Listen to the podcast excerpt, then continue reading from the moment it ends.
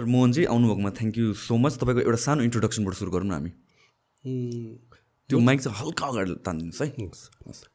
म चाहिँ लगभग अहिलेभन्दा छत्तिस वर्ष अगाडि त्रिवेणी विश्वविद्यालयमा कार्यरत रहेँ।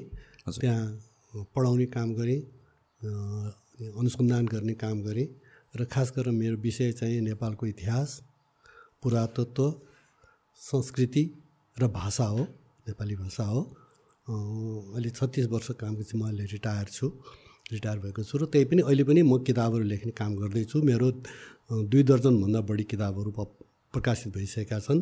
यहाँ यहाँबाट नेपालबाट र विदेशबाट गरेर अहिले यस्तैमा चलिराखेको छ। तपाईँको हार्वर्डबाट पनि के पब्लिस भएको मेरो हार्वर्ड युनिभर्सिटीले दुई हजार सातमा एउटा किताब पब्लिस गरेको छ। त्यो चाहिँ archaeological excavation of the Kathmandu valley भन्ने।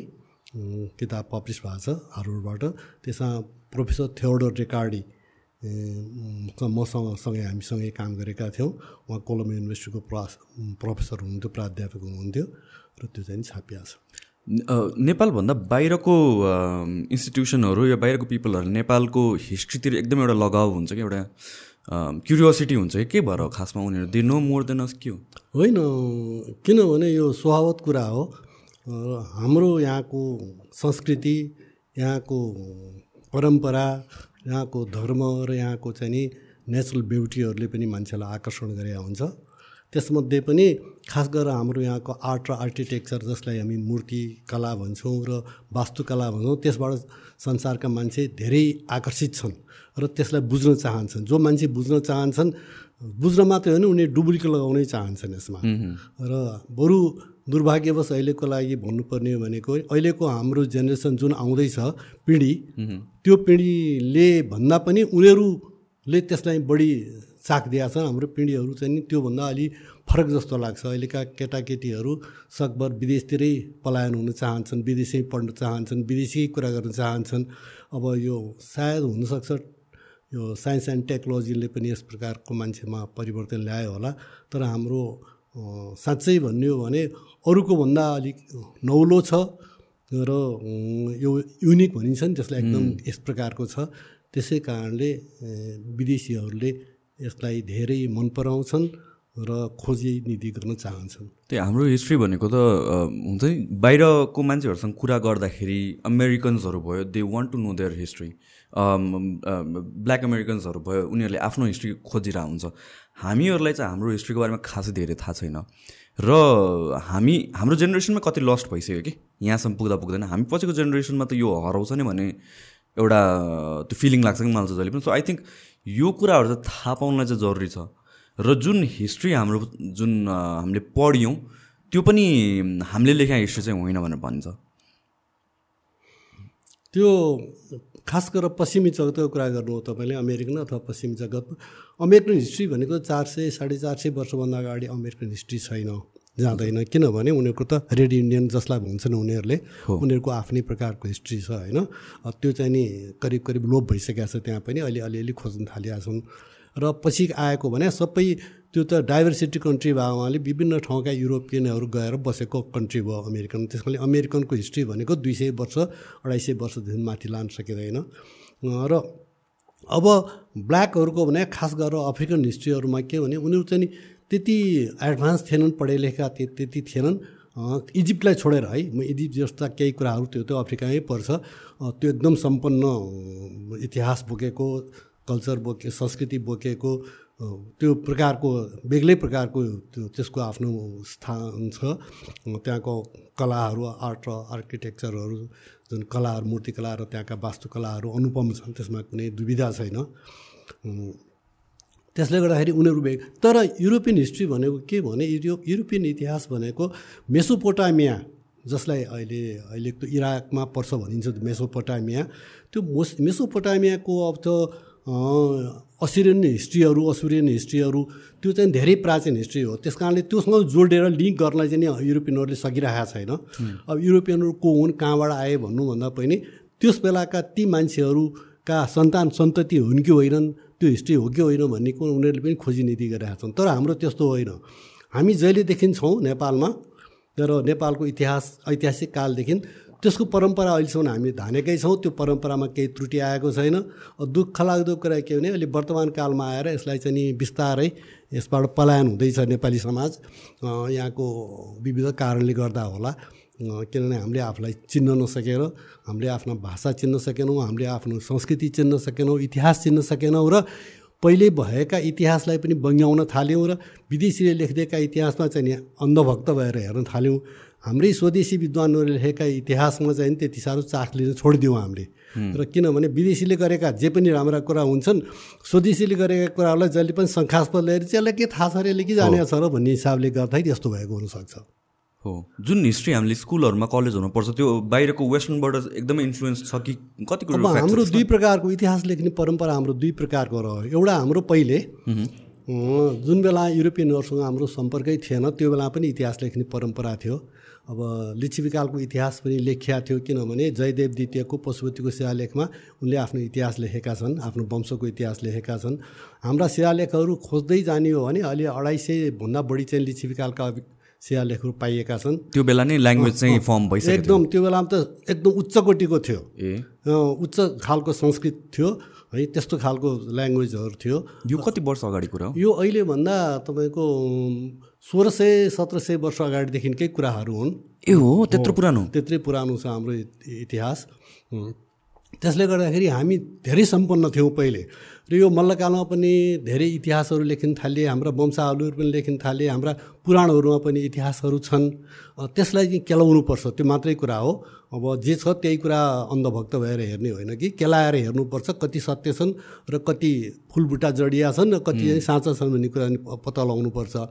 तर जब यो ब्रिटिसहरूले चाहिँ नि यहाँ पहिले आउने कर्क प्याट्री हो रणबहादुर शाहको पालामा आएको उसले एउटा वंशावली लिएर गएर नेपालको इतिहास भनेर उसले लेखे है हिस्ट्री अफ नेपाल भनेर। त्यसपछि राइट आए उनले लेखे अब बेन्डालहरू अब विभिन्न प्रकारका युरोपियनहरू अब नाउँ धेरैको नल्याउ मुख्य यिनै हुन्। यिनीहरूले आएर आफ्नै प्रकारसँग लेखे खोज्या नखोज्या होइन उनीहरूले खोज्या छन्। उनीहरूले नराम्रा कुराहरू लेखे अथवा नजानिकन लेखे भने होइन मैले। अब लेबीले अब फ्रेन्च अब लेबी आएर उसले पनि राम्रोसँग खोज्या छ। तर के भने नेपालको इतिहास लेख्नलाई यहाँको सबै विषयवस्तु बुझ्नुपर्छ पहिले कुराहरू। नेपाल के हो भन्ने थाहा पाउनु पऱ्यो नेपालको वंश परम्परा मात्रै त्यो वंशावली मात्रैले त्यो इतिहास पुरा हुँदैन।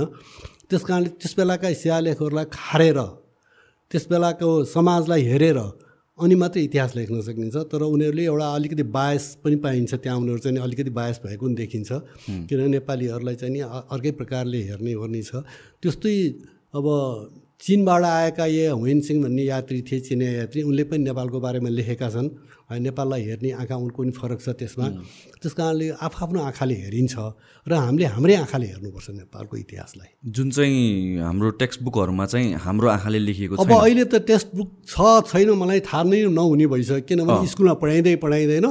हिस्ट्री भन्ने सोसियल स्टडिजहरू भनेर पहिला जुन हुन्थ्यो त्यतिको छैन सोसियल स्टडी भन्ने चाहिँ एउटा राख सब्जेक्ट त राखेको छ त्यो नेपालको हिस्ट्री पढाइँदैन छ नेपालको जोग्राफी पनि पढाइँदैन। त्यही तपाईँले भनेको मलाई अचम्म लाग्यो क्या यो पृथ्वीनारायण शाहकै कुरा हामीहरू बच्चामा हुँदाखेरि त त्यो त आई थिङ्क सबैलाई थाहा नै भएको कुरा हो। पढाइन्थ्यो नि त एउटा सर्टन लेभलमा त।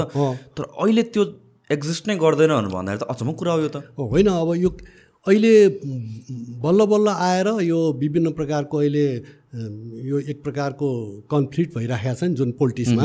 त्यसले गर्दाखेरि अब पृथ्वीनारायण शाहको धेरै नाउँ आउन थाल्यो। त्यसले गर्दाखेरि मान्छे अलिक थाहा पाउन थाले। त्योभन्दा अगाडि जुन बेला थियो नि त्यो बेलासम्म पृथ्वीनारायण शाहलाई चिन्ने मान्छे छैन। औन ठोड्याएको को भन्दाखेरि को को थाहा छैन। औन ठोडा कहाँ को भन्दाखेरि कसैलाई पनि थाहा छैन कि? अहिलेको स्कुलको विद्यार्थी धेरै विद्यार्थी मैले अघि तपाईँलाई भने मेरो नातिनले नै मलाई भनेकी छन् ऐलो औलो ठोडा यसरी औलो ठोड्याएको देखाएको चाहिँ टिचरले सोद्धाखेरि को थाहा छ? भन्दाखेरि थाहा छैन। पछि त्यहाँ पृथ्वीनारायण शाह भनेर तिनी हुन् भनेपछि मैले थाहा पाएँ बाबा भनेर मलाई सोधेँ उसले भने होइन। अहिले भने दुई वर्ष अगाडि कुरा हो यो। ऊ चाहिँ त्यो बेला एट नाइन्थमा पढ्दै थिएँ है त्यो बेला दुई तिन वर्ष अगाडि कुरा हो। त्यसरी मान्छेलाई थाहा थिएन। म उसको हजुरबाउ चाहिँ म इतिहासकार हुँ नेपालको इतिहासकार नाउँ चलेकै मध्ये पर्छु। मेरो नातिनलाई चाहिँ नि पृथ्वीनारायण शाहको बारेमा थाहा छैन। मेरो कमजोरी पनि हुनसक्छ मैले उसलाई पढाइनँ होला। उसलाई मैले फ्रिडम छोडिदिएँ अब आफ्नो हिसाबले इम्पोज त गर्ने पक्षमा छैन म आफ्ना केटाकेटीहरूलाई उनीहरूले आफ्नो हिसाबले पढ्छन्। तर त्यो हाम्रो संस्कारै त्यस्तो बस्यो संस्कृति नै त्यस्तो भएर गयो। होइन तपाईँले ल तपाईँले पढाउनु त अब तपाईँको भनौँ नातिनी त एकजना प्रिभिलेज भयो अरे। तर वर अबाउट स्कुल हो नि त मेन कुरा त? स्कुल हो। होइन त्यो त्यो रेस्पोन्सिबिलिटी तपाईँले मात्र लिएर त भएन नि। तपाईँले त एकजनाले पढाउनु होला। वाट अबाउट यत्रो लाखौँजना मान्छेहरू? उनीहरूलाई त त्यो हिस्ट्री पनि थाहा नभएपछि त यो जेनेरेसन पछि त ग्यापै हुने भयो। ग्याप तपाईँलाई अर्को चाखलाग्दो कुरा म भन्छु। हजुर। मैले चाङ्गुनारायणको ऐतिहासिक सामग्री भने धेरै ठुलो किताब मोटो किताब छ प्रसिद्ध प्रसिद्ध किताब छ। यो त्रिभुवन विश्वविद्यालयको पच्चिसौँ जन्म जयन्तीमा एक नम्बरमा छापिएको किताब हो।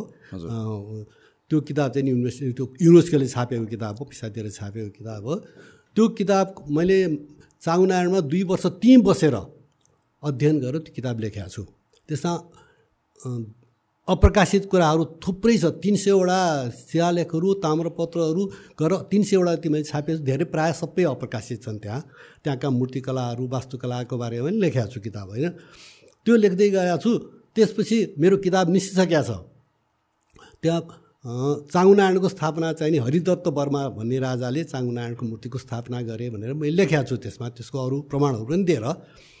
तर मेरो छोराले आएर के गर्यो भनेदेखि होइन तपाईँ कहाँ हुन्छ? मान्यवले स्थापना गरे। हाम्रो टिचरले त भने हाम्रो सरले भने कहाँ तपाईँले भने भने हुन्छ। अब म स्वयं उसको बाउ छु कि मैले अध्ययन गरिराखेको छु त्यसै बारेमा किताब लेखिसकेँ प्रकाशित भइसक्यो युनिभर्सिटीले छापिसक्यो।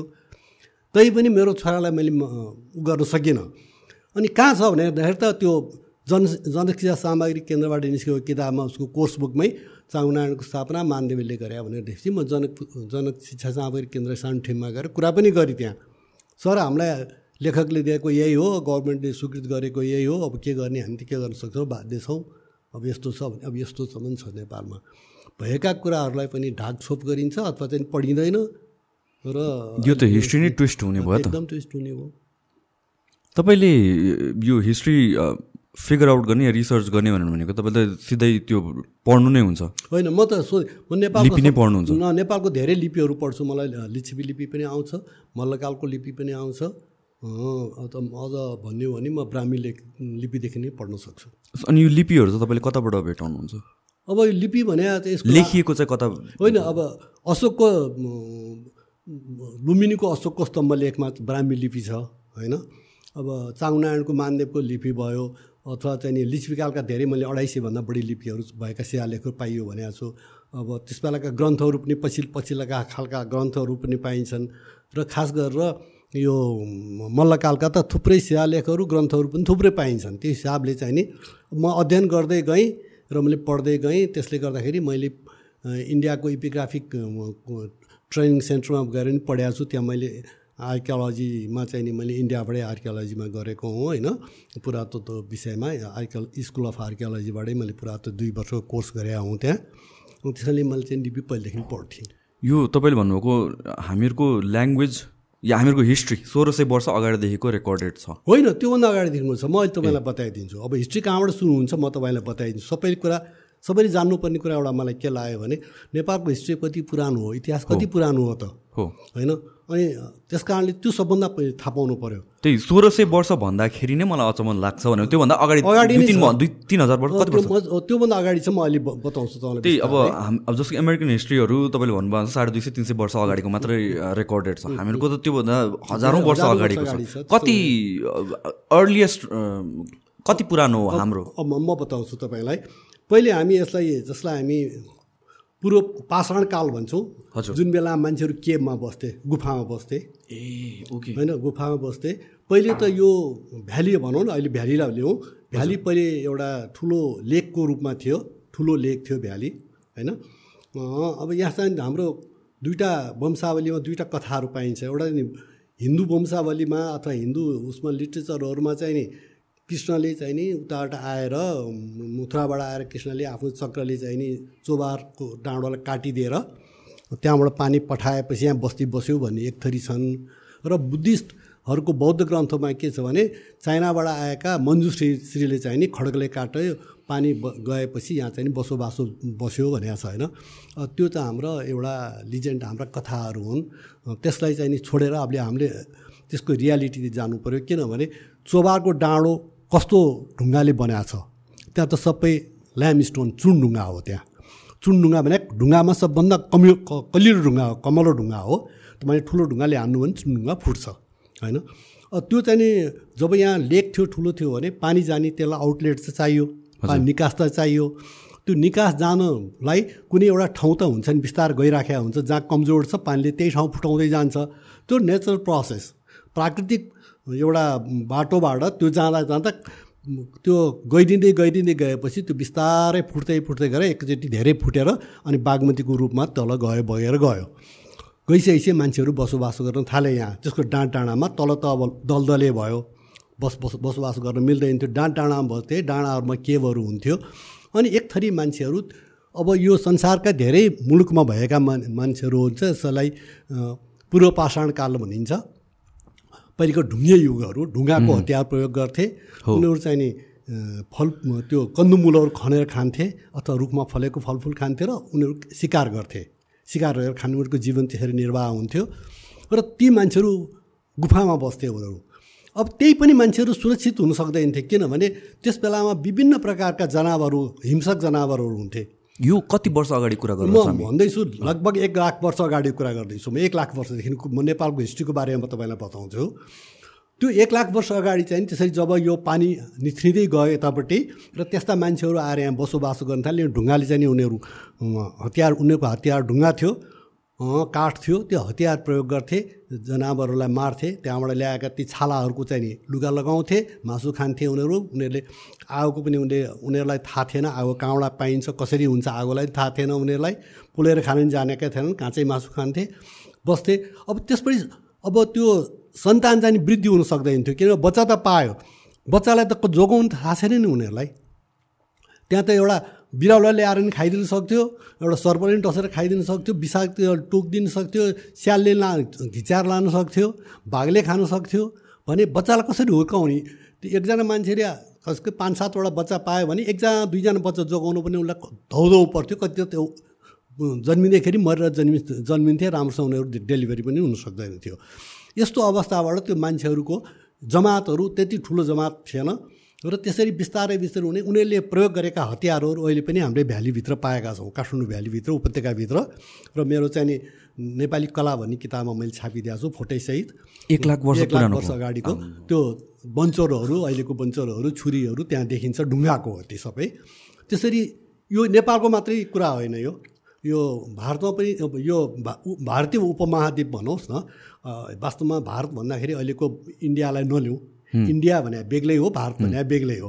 भारत भने एउटा यो सब कन्टिनेन्ट हो होइन?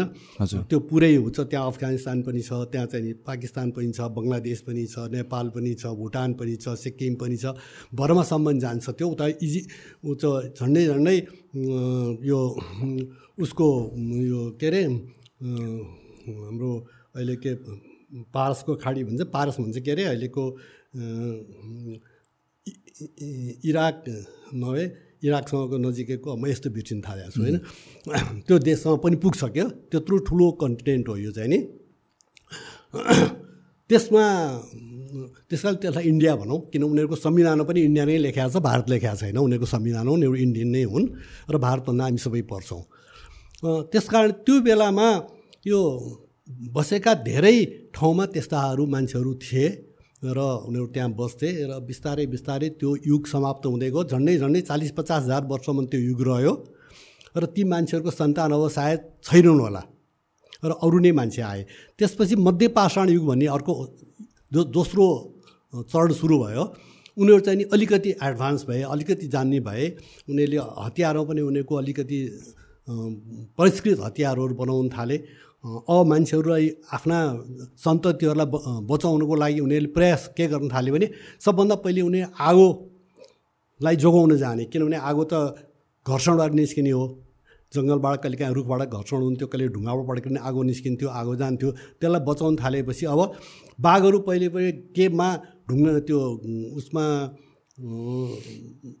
गुफामा चाहिँ ढुङ्गा राखेर भित्र आफूलाई बचाउन सक्थ्यो। कुनै अब कुनै यस्तो जनावर हुन्थ्यो जो बलियो हुन्थ्यो ढुङ्गालाई पनि पल्टाएर गएर भित्र मान्छे खान्थ्यो। अब जब मान्छेले अग्निको आगोको चाहिँ नि रिसर्च गरेर पत्ता लगायो आगो लगाएर जोगाउन जान्यो त्यसपछि त्यो आगो बालेपछि मुखमा आगो बालेपछि जहाँबाट त भित्र पसेन अब मान्छे सुरक्षित भयो। तातो पनि भयो मान्छेको जनसङ्ख्या पनि बढ्न थाल्यो अब मान्छेहरू विषाक्त चिजहरू त्यो विषालु चिजहरू पनि भित्र प्रवेश गर्न छोडे। कम प्रवेश हुन थाल्यो। पहिलेको चाँडी जसरी मासिया थियो दोस्रो चाहिँ धेरै वर्षसम्म टिक्यो त्यो। त्यसपछि बिस्तारै यसरी गयो। अब त्यसको अनि त्यसपछि अर्को चाहिँ नि त्यो बेलाको चाहिँ नेपालको इतिहासमा एउटा कुरा पाइन्छ।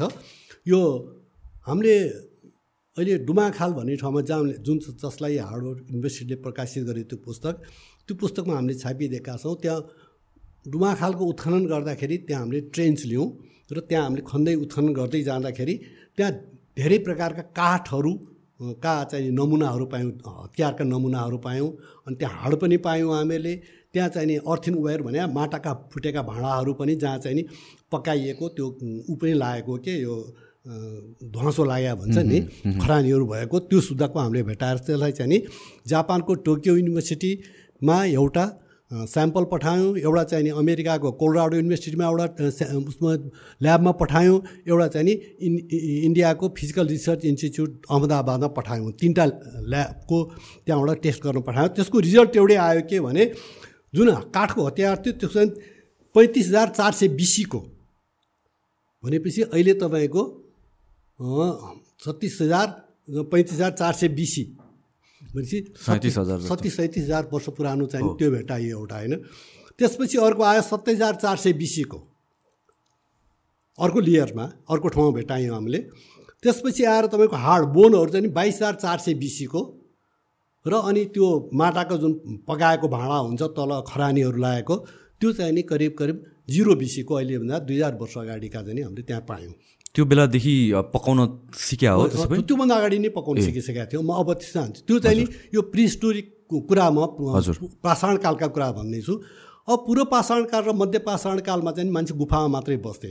अब नवपाषाण भनेपछि लगभग हामी चाहिँ नि अहिलेभन्दा पाँच हजार वर्ष छ हजार वर्ष अगाडि भनौँ। त्यो बेला चाहिँ नेपालको स्थिति है। पाँच हजार छ हजारमा त हाम्रो रामायण बनिसकेको छ महाभारतको युद्ध भइसकेको छ। त नेपालको परिप्रेक्ष्यमा म भन्दैछु। त्यसमा चाहिँ नि अब महाभारतकालमै पनि नेपाल भइसकेको छ। किन? नेपालमा चाहिँ यो कर्णले चाहिँ नेपाल विजय गरेको उल्लेख महाभारतमा आउँछ। अब त्यसलाई अलि छोडेर एउटा सोधिहालौँ है। यो महाभारत रामायणहरू जुन यो लेखिएको छ नि त रियालिटी नै हो र? अब महाभारतलाई चाहिँ नि इतिहासै भन्छन् मान्छेहरूले। होइन? रामायण चाहिँ नि त्यो चाहिँ महाकाव्य भनिन्छ। अब यो चाहिँ नि मैले यो रियालिटी हो होइन भन्न गाह्रो छ किनभने होइन भन्न पनि हामी सक्दैनौँ हामीसँग अर्को कुनै आधार छैन। हो भन्न पनि अब त्यो त्यतिखेरको हो कि होइन? त्यो त पक्कै हो। महाभारत पनि युद्ध भएको थियो त्यसमा कुनै शङ्का छैन किनभने अब गीता जस्तो एउटा महान काव्यहरू ऊ चाहिँ दर्शनहरू बाहिर निस्किया छ आइसकेका छ। महा त्यो हुँदै होइन भन्ने त कुरा हुँदैन। त्यो बेलाका धेरै कुरा उत्खननमा पनि भारतमा पनि उत्खनन भएका छन्। हस्ता हस्तिनापुरमा पनि उत्खनन भएको छ। त्यहाँबाट इन्द्रप्रस्थमा पनि उत्खनन भएको छ। त्यहाँबाट धेरै कुरा पाइएको छ। अहिले द्वारकामा उत्खनन भइरहेको छ। त्यहाँ निस्किरहेको छ। कृष्णका कुराहरू निस्किरहेको छ भने उनीहरूले। तर यो जुन चमत्कारको कुराहरू हुन्छ नि हनुमानले पहाड उठायो यो कुराहरू भएको हो र कि अलिकति थपिया हो सबै? अब यो त थपिएका हुन्। किनभने तपाईँको यो टोटेम भन्छ टियुटिएम टोटेम भनेको एउटा चाहिँ कस्तो भने कुनै एउटा जातको अब बाँदर भनेपछि बाँदर रामचन्द्रका बाँदर त सेना थिएनन्। बाँदरै सेना हुँदैन। बाँदरले के गर्न सक्छ र? बाँदरको बुद्धि पनि हुँदैन विचार पनि हुँदैन केही गर्नै सक्दैन। न भनेको कुरा मान्छु लागेको कुरा गर्छ होइन? त्यो बाँदर सेना थिए भने अर्थ के भनेदेखि नि त्यो बाँदरको मास्क लगाउने बाँदरको मुखुन्डो लगाएपछि उनीहरू आफूलाई बाँदर जाति भन्ने। त्यहाँ भालु जाति भन्थे भालुकै लुगा लगाएर हिँड्ने भालु जाति हुन्थे। त्यो बेला। त्यो बेला। अनि गडुरको पनि त्यो चुचो भएको लगाएर गडुर जाति हुन्थ्यो। नागको पनि तपाईँ इजिप्सियनको उयो हेर्नु हो भने नागको जहिले दुइटा नाग यहाँ हुन्छ। इजिप्सियनहरू त्यो नाग जातिहरू हो। अब हाम्रो पुराणहरूमा के पाइन्छ भने राम्रो स्वास्थ्य मान्छे राम्रो केटी देख्यो भने तिमीलाई सोधिन्छ। अनि तिमी हे सुन्दरी तिमी चाहिँ नि को हौ? तिमी नागकन्या हो कि यक्षकन्या हो कि देवकन्या हो कि को हो भन्छ। त्यो नागकन्या हो कि भन्ने बित्तिकै स्वर्ग नै भए त नागकन्या हुँदैन थियो नि त्यति सुन्दर केटी हुँदैन थियो नि। त्यस कारण त्यो चाहिँ टोटेम भनिन्छ जसलाई। त्यो एक प्रकारको यो हो होइन? त्यसले त्यो बेलाको त्यो बाँदरै गएर त्यो यस्तो लङ्गुर पुच्छर भएको बाँदरै गएर रावणलाई लङ्का विजय गर्ने भन्ने कुरा होइन। त्यो चाहिँ नि वास्तवमा मान्छे नै हो। मान्छे नै सो मेन सारांश चाहिँ एउटा होला। त्यसमा चाहिँ अलिकता चाहिँ धेरै मसला थपियो मसला थपिन्छ। त्यो स्वभावत कुरा हो। हाम्रो मात्रै होइन। संसारका सबै त्यस्ता धार्मिक ग्रन्थहरूमा त्यस्ता कुराहरू हुन्छन्। त्यो चाहिँ नि भयो। यसरी अब अब म अब नपाषाण युगमा आउँदैछु अब। मध्य पाषाण पूर्व पाषाण युगको भने पूर्व पाषाण युगमा चाहिँ नि उनीहरूलाई आगो बाल्ने कुरा थाहा थिएन र मध्य पाषाण कालमा आएपछि आगो जोगाएर आगोद्वारा आफूलाई सुरक्षित राख्ने अनि पोलेर खान थाल्ने उनीहरू गर्न थाले। है अब तेस्रो कुरा चाहिँ नि के भने त्यसपछि आएपछि अब नवपाषाण युग आयो जसलाई नियोलिथिक भनिन्छ इङ्ग्लिसमा। त्यो नवपाषाण काल आइसकेपछि उनीहरूले के गर्न थाले भने अब उनीहरू गुफामा बस्दैन थिए त्यतिखेर उनीहरूले गाउँमा बस्न थाले। साना साना झुप्रा बनाउने एकै ठाउँ मान्छे बस्ने सुरक्षित ठाउँमा। र त्यो सुरक्षित ठाउँ कस्तो हुन्छ भनेदेखि उनीहरू चाहिँ चरण भएको ठाउँ चाहियो अब वस्तु पनि पाल्थे। उनीहरू गाईहरू पाल्थे भेडाहरू पाल्थे बाख्रा पाल्थे होइन? उनीहरू त्यो पनि घरेलु उहरू कुकुरहरू हुन्थे घोडाहरू हुन्थे उनीहरू त्यो पनि पाल्न थाल्न सकेका थिए। तर त्यो सुरु सुरुमा चाहिँ त्यस्तो थिएन।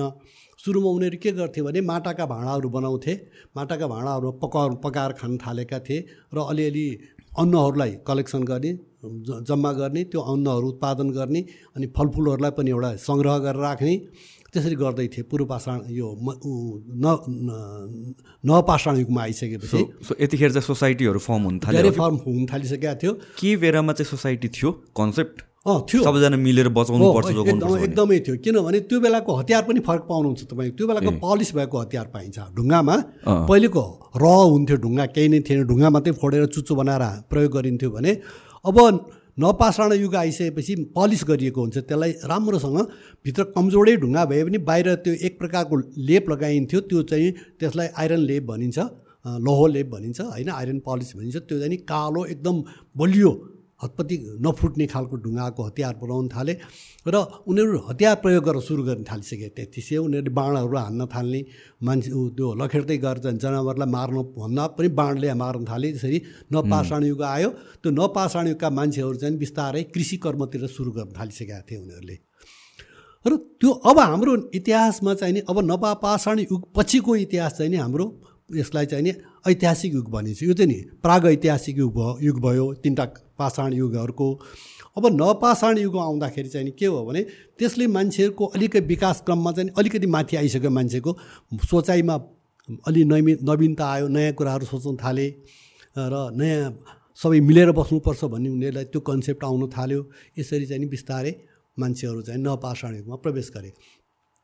त्यही बेलामा अब नपाषाण युगको समय ताकै आएर नपाषाण युग सिद्धिसकेर अब जब पाषाण यो ऐतिहासिक काल सुरु भयो एक थरी अब विभिन्न जनपदहरू ज स्थापित भए। अहिलेको भारतवर्षमा भनौँ र इन्डिया नभनौँ भारतवर्षमा धेरै प्रकारका चाहिँ नि जनपदहरू स्थापना भए जस्तो कोली जनपदहरू अनि अब कोलीग्राम भनेर भनिन्छ कोलीहरू भएकोलाई चाहिँ नि कोली जनपद भयो। अब साक्यहरू बसेको ठाउँ साक्य जनपद भयो अब गौतम बुद्ध साक्य जनपदबाटै जन्मेका हुन् होइन? जनपदको नाउँ नै साक्य जनपद भयो होइन?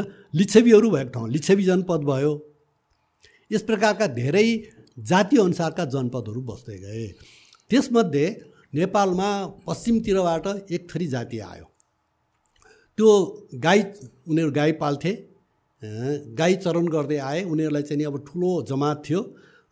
यो सायद चाहिँ नि अहिलेको मध्य एसियातिरबाट फर्क हिँड्दै आए उनीहरू चरण खोज्दै आए। गाई बस्तुको लागि चरण चाहियो सुरक्षित ठाउँ पनि चाहियो बस्ने ठाउँ पनि चाहियो।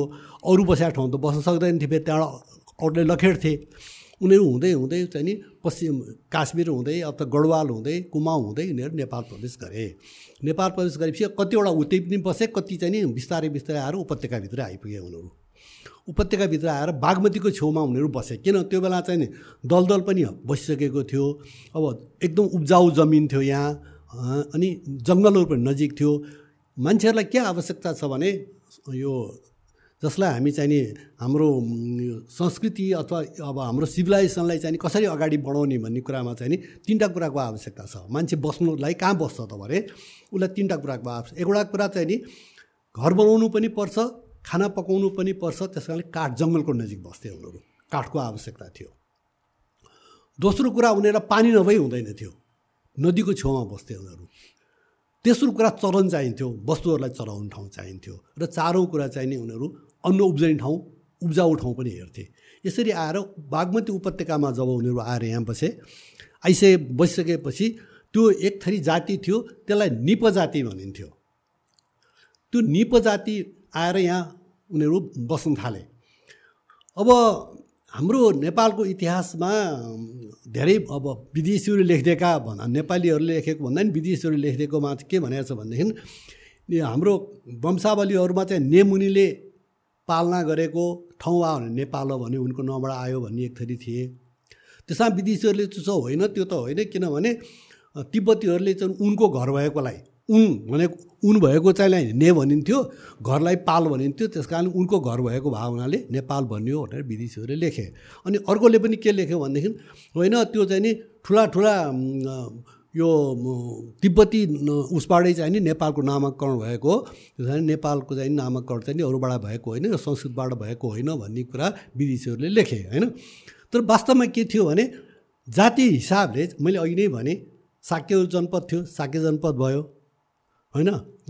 बुद्ध साके जनपदमा जने उनको माओली कोलीहरू थिए कोली जनपद थियो लिच्छेबी जनपद थिए होइन? अब त्यसपछि ब्रिजी जनपद थियो सबै जनपदहरू थिए त्यतिखेर। राजा हुँदैन थिए मुखिया हुन्थे। त्यहाँका सबैले चुनेको चाहिँ एउटा शासक हुन्थ्यो। त्यसले चाहिँ सञ्चालन गर्थ्यो राज्य व्यवस्था सञ्चालन गर्थ्यो। यसरी आएपछि अब नेपालमा पनि त्यो निप भन्ने एक थरी जाति थिए गोठालाहरू ग्वालाहरू थिए। उनीहरू अहिलेको हिसाबमा काउ बुवाए भनौँ न।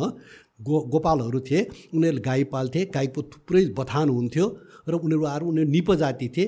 त्यसरी निप जातिहरू बसेको ठाउँलाई नेपाल निप आल त्यो संस्कृतमा सन्धि हुँदाखेरि निप आल भएपछि नेपाल हुन्छ अथवा नैपाल हुन्छ।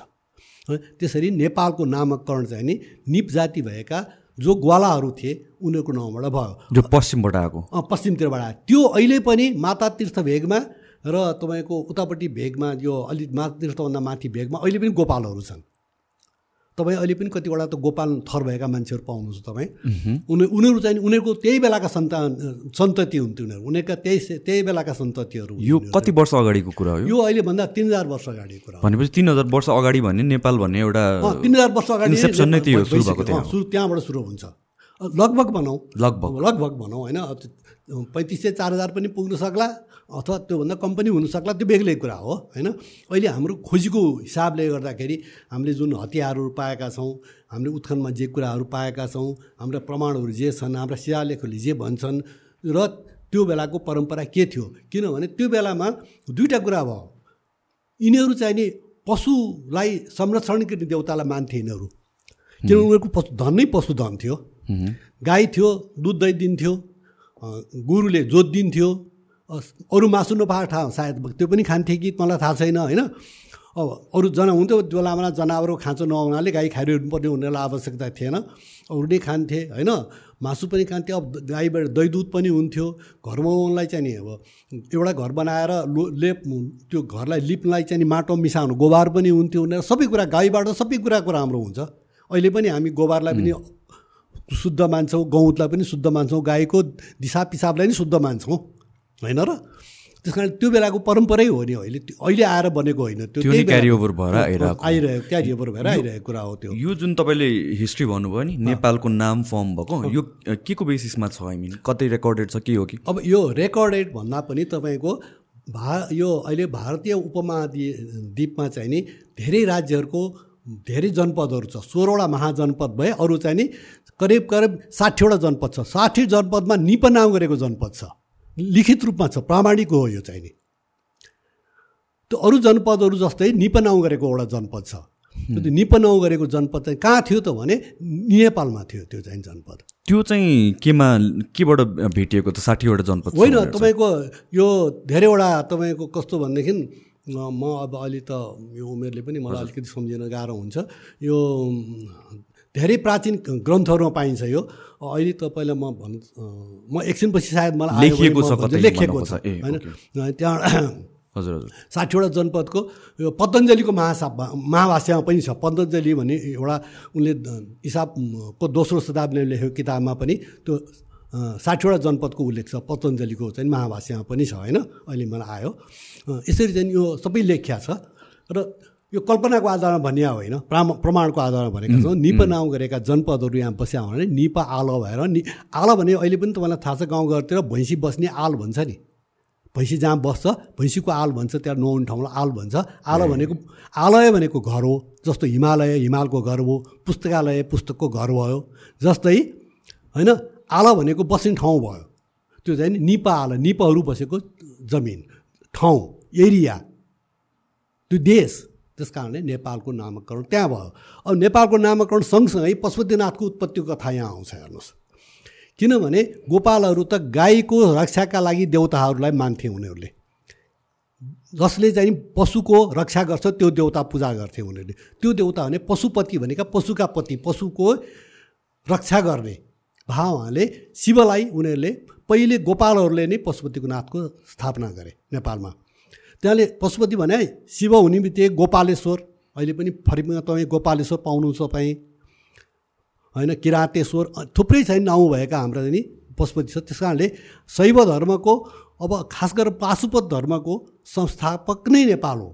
किनभने पशु पशुपतिको एउटा सिल चाहिँ नि जुन पाइन्छ पाइएको छ माटाको हडप्पा मैन जोडोमा अहिलेभन्दा चार हजार बिसी अगाडि उत्खनन भएको ठाउँ त्यो तिन हजार चार चार हजारको अगाडि त्यो को को जुन सभ्यता थियो त्यसको उत्खनन गर्दा एउटा ठुलो सिल पाइएको थियो पशुपतिको त्यहाँ मुद्रा पाइएको छ ठुलो होइन?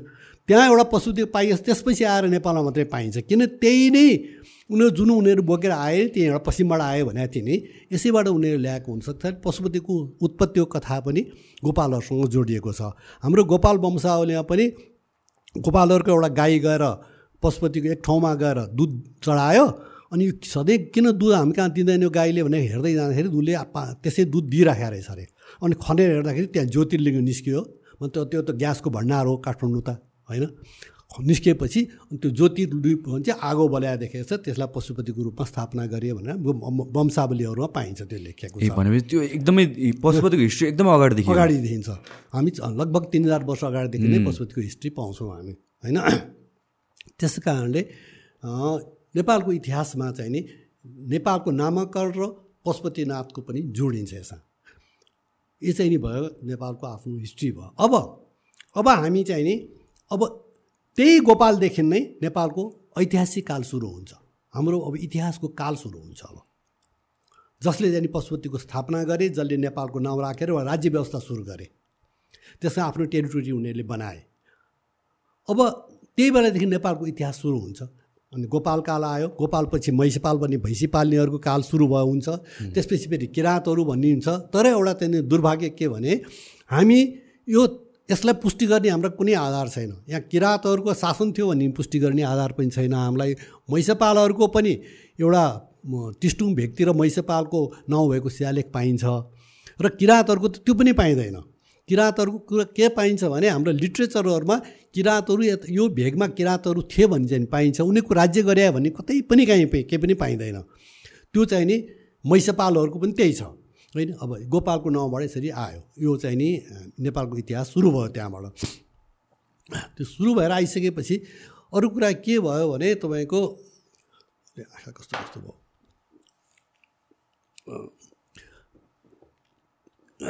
अर्को कुरा नेपालको इतिहासको चाहिँ नि क्रम यसरी क्रमबद्ध इतिहास चाहिँ यसरी सुरु भयो। अब नेपालको नामकरण पनि भयो। नेपालको प्रा प्राचीन खालको इतिहास पनि सुरु भयो होइन हामीले गऱ्यौँ अहिले चर्चा गऱ्यौँ। अब नेपालको चाहिँ भूगोल के त? राज्य भएपछि राज्यको भूगोल हुन्छ। भूगोल बिनाको कुनै पनि राज्य हुँदैन। होइन?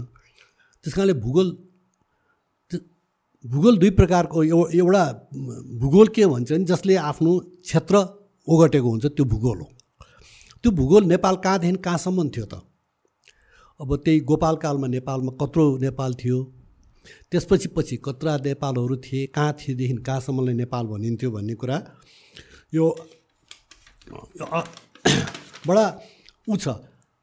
यो विक्रमको आठ यो विक्रम भन आठ सेन्चुरी एट सेन्चुरी के अहिले इसापूर्व आठ सय वर्ष भनौँ न यो एट सेन्चुरी भने इसापूर्व आठ सय वर्ष होइन?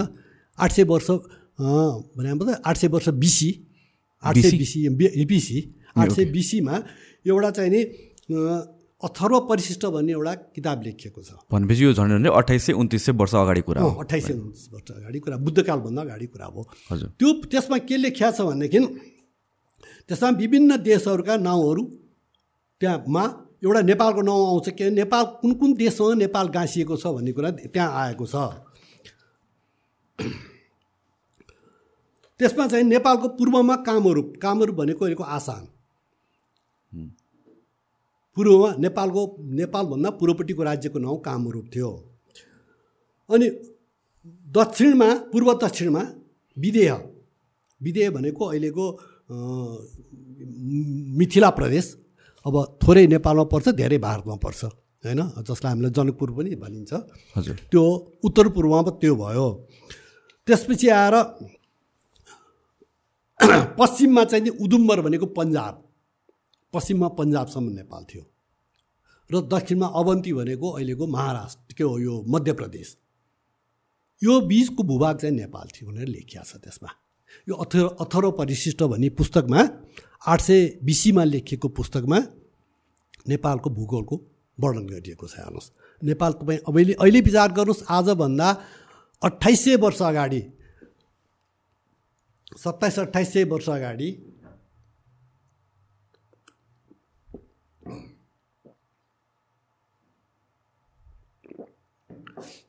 सत्ताइस सय अठाइस सय वर्ष अगाडि नै नेपालको आफ्नो सिमानाहरू चाहिँ देखाइन्छ नि भूगोलको ऊ देखिन्छ त्यसपछि अर्को आएर बृहस्पत्य सूत्र भन्छ। बृहस्पति एउटा बृहस्पति अर्थसूत्रमा नेपाललाई महाविषय भनिन्छ। विषय भनेको त्यो बेलामा कस्तो हुन्छ भने राज्यलाई विषय भनिन्थ्यो।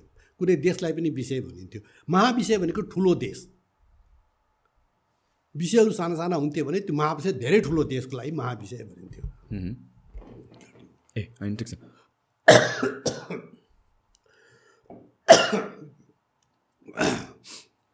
ठिक छ टाइम लिनु मजाले गरौँ न। अब मलाई यसो कफी अब दिउँ त। अँ कफी भनौँ ल।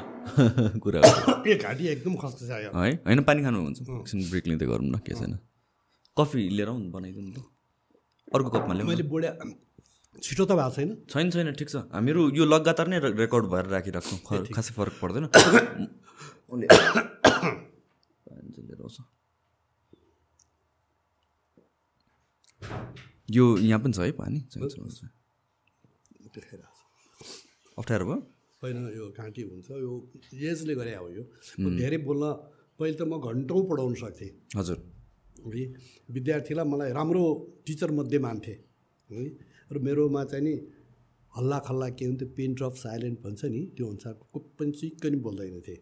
तपाईँ स्ट्रिक्ट भएर कि इन्ट्रेस्टिङ होइन म एक इन्ट्रेस्ट दुइटै कुरा हो म स्ट्रिक पनि अति। मेरो यो भित्र क्लासमा पनि युनिभर्सिटीमा त्यही छ म क्लासमा पछि चाहिँ पहिले छेस्किन लगाएर पढाउन सुरु गर्थेँ। किनभने कोही दस मिनटपछि पनि आउने कोही आधा घन्टा पछि आउने। एक दिन चाहिँ कस्तो भएछ भने मेरो म चिन्दैन थिएँ उनले मलाई चिनेको छ मेरो वाइफको मामाको छोरा रहेछन्। म चिन्दैन थिएँ उनी चाहिँ पढ्दै थिएँ। अनि उनी आए दस मिनटपछि आए। आए ढ्याङ गऱ्यो भने किन तपाईँ अगाडि किन भयो भने आउँदा आउँदा अगाडि तपाईँ बाहिर जानुहोस्। बाहिर निकालिदिएँ मैले। निकाल्नु त्यहाँबाट पछि घर आएर भन्छ मलाई त ज्वाइँ बाहिर निकाल्नु हो भनेर भन्छ। अनि दुई तिनजना अर्को त्यस्तो भयो। त्यसपछि अर्को एकजना केटाले के भन्छ कस्तो मान्छेहरू डुर्को पर गएछ मोबाइल जाँदै जानु थियो भनेर कुरा गर्छ त्यहाँ हुन्छ नि क्लासमा अनि म क्लास लिन लागेको थिएँ। झन्डै बिस मिनटपछि दुईजना केटा आए ढ्याङ गरेँ। अनि त्यहाँबाट किन भने म त तपाईँहरू जानुहोस् बाहिर। किन जाने हामी? हामी किन जाने? तपाईँ नजाने हुन्छ भनेर मैले एटेन्डेन्स बुक बोकेर हिँडेर मैले एडभोकेट डिपार्टमेन्टलाई फेरि अब आजदेखि म पढाउन आउँदिनँ। म पढाउँदिनँ। म त सिनासबाट गएको मेरो डिपार्टमेन्ट पनि होइन। मलाई त्यहाँ एक्सपर्ट भनेर बोलाएको छ। हे बोलाएर भनेर म गएको छु। म पढाउँदिनँ अब। छोड्दै। हाम्रो त्रिरत्न महानन्दर चाहिँ नि हुनुहुन्थ्यो त्यहाँ। डिन उहाँ कहाँ कुरा पुग्यो? म पढाउँदिनँ भने मैले कति म पढाउँदै पढाउँदिनँ। जब टाइममा आउ म चाहिँ नि टाइममा गएर जानुपर्ने विद्यार्थी जुन बेला नि आएर पढाएँ। मैले किन पढाउने? तर त्यहाँ हुल्लगा गर्ने झगडा गर्ने म झगडा गर्न आएको होइन मिनिस्टर पढाउन आएको म टिचर हो म पढाउँदिनँ। भनेपछि पछि आएर तिमीले माहीमा आएपछि मात्रै मैले पढाएको छु। त्यस बेलादेखि कोही पनि मेरो क्लासमा चाहिँ अबेर आउँदैन थिएँ टाइममा आउँथेँ र मेरो क्लास पनि इन्ट्रेस्टिङ चाहिँ हुन्थ्यो त्यो हिसाबले हो। एउटा ठ्याक्क म सोधिहाल्छु है त। यो जुन हामीले यही टोनमै कुरा गर्दाखेरि पनि हुन्छ। हुन्छ होइन नजिकको चाहिँ बरु राखिदिनुहोस्। जोडले बोल्नु पर्दैन बिस्तारै बोल्यो हुन्छ। तर अझ नजिक तानिदिनुहोस्। ए हजुर। ठिक छ होइन? चिनी पर्छ चिनी हुन्छ चिनी। हुनुपर्छ? ए हो ठिक छ म मैले सोध्नु खोजेँ के भन्नु भने जस्तो नेपाल भन्ने यो एउटा हाम्रो बााउन्ड्री चाहिँ अठाइस सय उन्तिस सय वर्ष अगाडि बनाइयो। तर जुन पृथ्वीनारायण शाहको कुरा आउँदाखेरि नेपाल भनेको त भ्याली मात्र थियो भनेर भन्छन् सबै जोडिएको भनेर भन्छ पछि। म म त्यो पछि म पछि आउँदै गर्छु। ए। यो हामी त अब सुरुवात मैले नेपालको किनभने तपाईँले सोधिसकेपछि मैले के भन्नु खोजेँ भने एउटा मात्रै भनेपछि सबैले बुझ्दैन के? सबैले बुझ्ने हुनु पऱ्यो नेपाल भने कहाँ थियो त पहिले? नेपाल कत्रो थियो त? पृथ्वीनारायण शाहको आउँदाखेरि किन सानो भयो। ए त्यसको छुट्टै हिस्ट्री छ। त्यो। किन सानो भयो त? पृथ्वीनारायण शाहले सानै नेपाललाई ठुलो बनाएको हो कि त्यही ठुलो नेपाल टुक्रेर गएकोलाई जङ्गमा गरिदिएको हो? त्यो थाहा पाउनु पऱ्यो नि त। होइन? ओके। हामीहरू बाई द वे रेकर्ड भइ नै रहेछ अहिले पनि। यो हामीहरू इन्फर्मली नै कुरै गर्दैछौँ अहिले कहिले काहीँ हिसाबले। चाहिँ अब यस्ता कुराहरू पनि हुन्छन् जस्तो मैले नातिनीको कुरा गरेँ त अब यस्ता कुराहरू चाहिँ अलि अप्ठ्यारो हुन्छ होला भन्ने ठाने मैले हुँदैन त्यस्तो केही पनि हुँदैन। हामीको त एकदमै इन्फर्मल सकेसम्म कुरा गरे हिसाबले त जाने हो नि। होइन मान्छेले त्यो हिसाबले पनि राम्ररी बुझ्छ धेरै फर्मल धेरै स्ट्रक्चर्ड पनि हुनु जरुरी छैन। सो सो त्यहीँबाट कुरा गरौँ न त। यो माइकलाई अलिकति अझ सार्दियो नि एकचोटि बरु उहाँलाई। तपाईँलाई बस्न पनि अलिकति अप्ठ्यारो भइरह अलिकति अलिकति निहुरिनु भयो पनि हुन्छ। यसरी निहुरेर बस्नु भयो भने पनि सजिलो हुन्छ त्यसलाई। यस- यसो गरे हुन्छ होइन? हुन्छ तपाईँलाई बस्न गाह्रो भएको छ? ए ठिकै छ ठिकै छ यसलाई ठिक छ। अँ। ठिकै छ। ठिक छ होइन? ठिक छ। ए हुन्छ हस् नजिकै नै हालिदियो न। अझ अलिकति नजिक हालिदियो बिस्तारै बोल्नु भयो हुन्छ नि उहाँले। ल ठिकै छ। ल हुन्छ सुरु गरौँ न त अनि त्यसपछि त्यसपछि आएर यो मैले यो उसको अथवा परिशिष्टको बारेमा भने होइन? त्यसपछि आएर अर्को चाहिँ नि बृहस्पति अर्थसूत्रमा नेपाललाई महाविषय भनिएको छ र नेपालको क्षेत्र क्षेत्रफल चार सय योजन। चार सय योजन भनिएको छ। चार सय योजन भनेको एक योजन बराबर तपाईँको चार सय योजन बराबर चाहिँ अठा अठार सय कोष हुन्छ। नेपालको क्षेत्रफल चाहिँ अठार सय कोष छ भनेर भनिएको छ। त्यो भने कति हो? त्यो चाहिँ नि अठार सय कोष। भने है एक कोषमा दुई माइल हुन्छ। छत्तिस छत्तिस सय माइल। नेपालको टोटल चाहिँ नि क्षेत्रफल चाहिँ नि छत्तिस सय माइल भनेर चाहिँ नि यो बृहस्पति अर्थसूत्र भन्ने प्राचीन ग्रन्थमा लेखिया छ। त्यसपछि अर्को आएर यो शक्ति सङ्गम तन्त्र भन्ने एउटा अर्को किताब छ पुरानो ग्रन्थ हो त्यसमा चाहिँ नि यसको भौगोलिक सीमा के लेखिया छ भने यो योग योगेश्वर र जटेश्वरदेखि पूर्व के पश्चिम योगेश्वरसम्म थियो भने जटेश्वरमा चाहिँ नि यो इन् भारतीय इन्डियाको चाहिँ नि एकजना विद्वान इतिहासकार चाहिँ नि हुनुहुन्छ। उहाँ दिनेश चन्द्र सरकार उहाँले चाहिँ नि जटेश्वर भनेको अहिलेको जलपाइगुडी कलकत्ता र योगेश्वर भनेको दिल्ली। त्यसको बिचमा चाहिँ नि नेपाल थियो भने त्यो त्यो त्यत्रो भूभाग भएकोलाई नेपाल मानिएको छ हेर्नुहोस्। उनीहरूले पनि त्यो कुरालाई स्वीकार गरेका छन्। त्यो किनभने त्यो चाहिँ नि योदेखि योसम्म यो हो भनेर लेखेको छ होइन। अब त्यसपछि आएर अर्को छ। यो मूल सर्वास्तिवाद विनय भन्ने विनय वस्तु भन्ने एउटा किताब छ। यो बौद्ध कालको धेरै कुराहरू गौतम बुद्धको समयको कुराहरू लेखिया छ त्यसमा। त्यसमा चाहिँ कस्तो छ भने यो पहिले म त्योभन्दा अगाडि अलिकति जान्छु। पहिले भारत अहिलेको भारत भनौँ न अहिलेको चाहिँ इन्डियामा धेरैवटा राज्यहरू थिए गणतन्त्र राज्य थियो। त्यसपछि अनि राजतन्त्र सुरु हुन थाल्यो त्यहाँ होइन? राजतन्त्र सुरु हुन थालेपछि मगधका राजा अजातशत्रु सबभन्दा बलिया राजा थिए। मगध धेरै ठुलो राज्य थियो र उनका चाहिँ नि राजा अजातशत्रु थिए। अजातशत्रुले भगवान् बुद्धको समयमै लिच्छवीहरूलाई चाहिँ नि लिच्छवी जनपदमा आक्रमण गरेर लिच्छवीहरूलाई हटाइदिए। अरूलाई पनि त्यसै गरेर उनीहरूले खेदेर आफूले आफ्नोमा गाभे उनीहरूले। ती लिच्छवीहरू भागेर कहाँ जाने त? अब इन्डियाको कुनै क्षेत्रमा जाने कुरा अब साधारण जनता त भागे होलान्। अब अलिक ठुल्ठुलो पदमा भएका मान्छेहरू त भागेर कहाँ जाने कि उनीहरूलाई मारिदिन्थे उनीहरूले? उनीहरू अब सबभन्दा अनकन्टा ठाउँमा आउनु पऱ्यो जहाँ उनीहरूको पहुँच नपुगोस्। त्यस कारण उनीहरू नेपाल आए। लिच्छवीहरू नेपाल आए। नेपाल आएर पछि त्यही समयमा अर्को देश यो अहिलेको कस्तो नाम बिर्सिन्छु उम्, यो उसको अहिलेको म- अयोध्याको राज्यलाई के भन्छ? बिर्सेँ मैले अब त्यसको नाम होला त्यहाँ बिरुढक भन्ने एकजना सेनापति थिए। उनी सेनापति पनि खास गरेर तिनी साक्य कुलकै ल्याइतेपट्टिका नाति थिए। कोसल कोसल राज्यका सेनापति थिए। उनी त्यहाँ उनी ल्याइतेपट्टिका थिए। उनी महा त्यहाँका जाने सेनापति भएपछि आफ्नो माओली पनि जान चाहे। माओलीमा गएपछि उनले आफूलाई भानिजको रूपमा उनीहरूले स्वीकार नगरेको र सेनापतिको रूपमा मात्रै स्वीकार गरेको थाहा पाएपछि उनले साक्यकुलमा आक्रमण गरिदिए। साक्यकुललाई विनष्ट नष्टै गरिदिए उनले। र त्यहाँबाट भाएर आएका साक्यहरू पनि नेपाल आए र सँगसँगै कोलीहरू बुद्धका माओलीहरू पनि भागेर नेपालै आए। र नेपालमा विभिन्न ठाउँमा बसे। काहीँ लिच्छिबेरी एक ठाउँमा बसे साक्यहरू एक ठाउँमा बसे र कोलीहरू एक ठाउँमा बसे। त्यहाँले कोलीहरू बसेको ठाउँ अहिले पनि प्रसिद्ध छ। त्यो ठाउँ हो कोलीग्राम भन्छ। लिच्छिबीकालको अभिलेखमा दुईवटा कोलीग्राम पाइन्छ। एउटा कोलीग्राम भनेको इन्द्रचोकभन्दा उत्तरतिर एउटा कोलीग्राम भनेको अहिलेको लगन एरिया त्यसलाई दक्षिण कोलीग्राम भन्छ। त्यहाँ कोलीहरू बस्या हुनाले कोलीहरू बसेको गाउँ भने दक्षिण कोलीग्राम भने त्यो दक्षिण कोलीग्रामबाट हाम्रा इतिहासकार बाबुराम आचार्यले भन्नुभएको छ त्यो दङ्गोल भनेको डङ्गोल जसलाई भनिन्छ नि दक्षिण कोलीग्राममा बसेका हुनाले डङ्गोल भयो उनीहरू कोलीहरू हुनु डङ्गोलहरू। त्यहाँबाट आएर यसरी बसे भनेर उहाँले लेख्नु भएको छ होइन? त्यो चाहिँ धेरै कुरा मिल्छ त्यसमा। यसरी विभिन्न जातिहरू आएर यहाँ बसे बसोबासो गरे। बसोबासो गरिसकेपछि नेपाल त्यो बेलासम्म अब नेपाल त ठुलो थियो भए पनि त्यो बेलाका यहाँका नेपालीहरूसँग तिनीहरूको सम्पर्कमा थिएनन्। यहाँकाले दुःख दिन्थे साह्रै। अब रिफ्युजीहरूलाई त कसले पनि माया त गर्दैन नि होइन? अब बलात्कार पनि थियो हुन्थ्यो होला लुटमार पा पाठ पनि हुन्थ्यो होला। तर त्यस बेलामा चाहिँ नि यो दुःख पाएर बसिरहेका थिए उताबाट आएका जुन शरणार्थीहरू चाहिँ दुःख पाएर बसिरहेका थिए त्यो बेला भारतबाट आएका व्यापारीहरू चाहिँ नि आउँथे उनीहरूले आफ्ना त्यो वाटर सिस्टम थियो त्यतिखेर।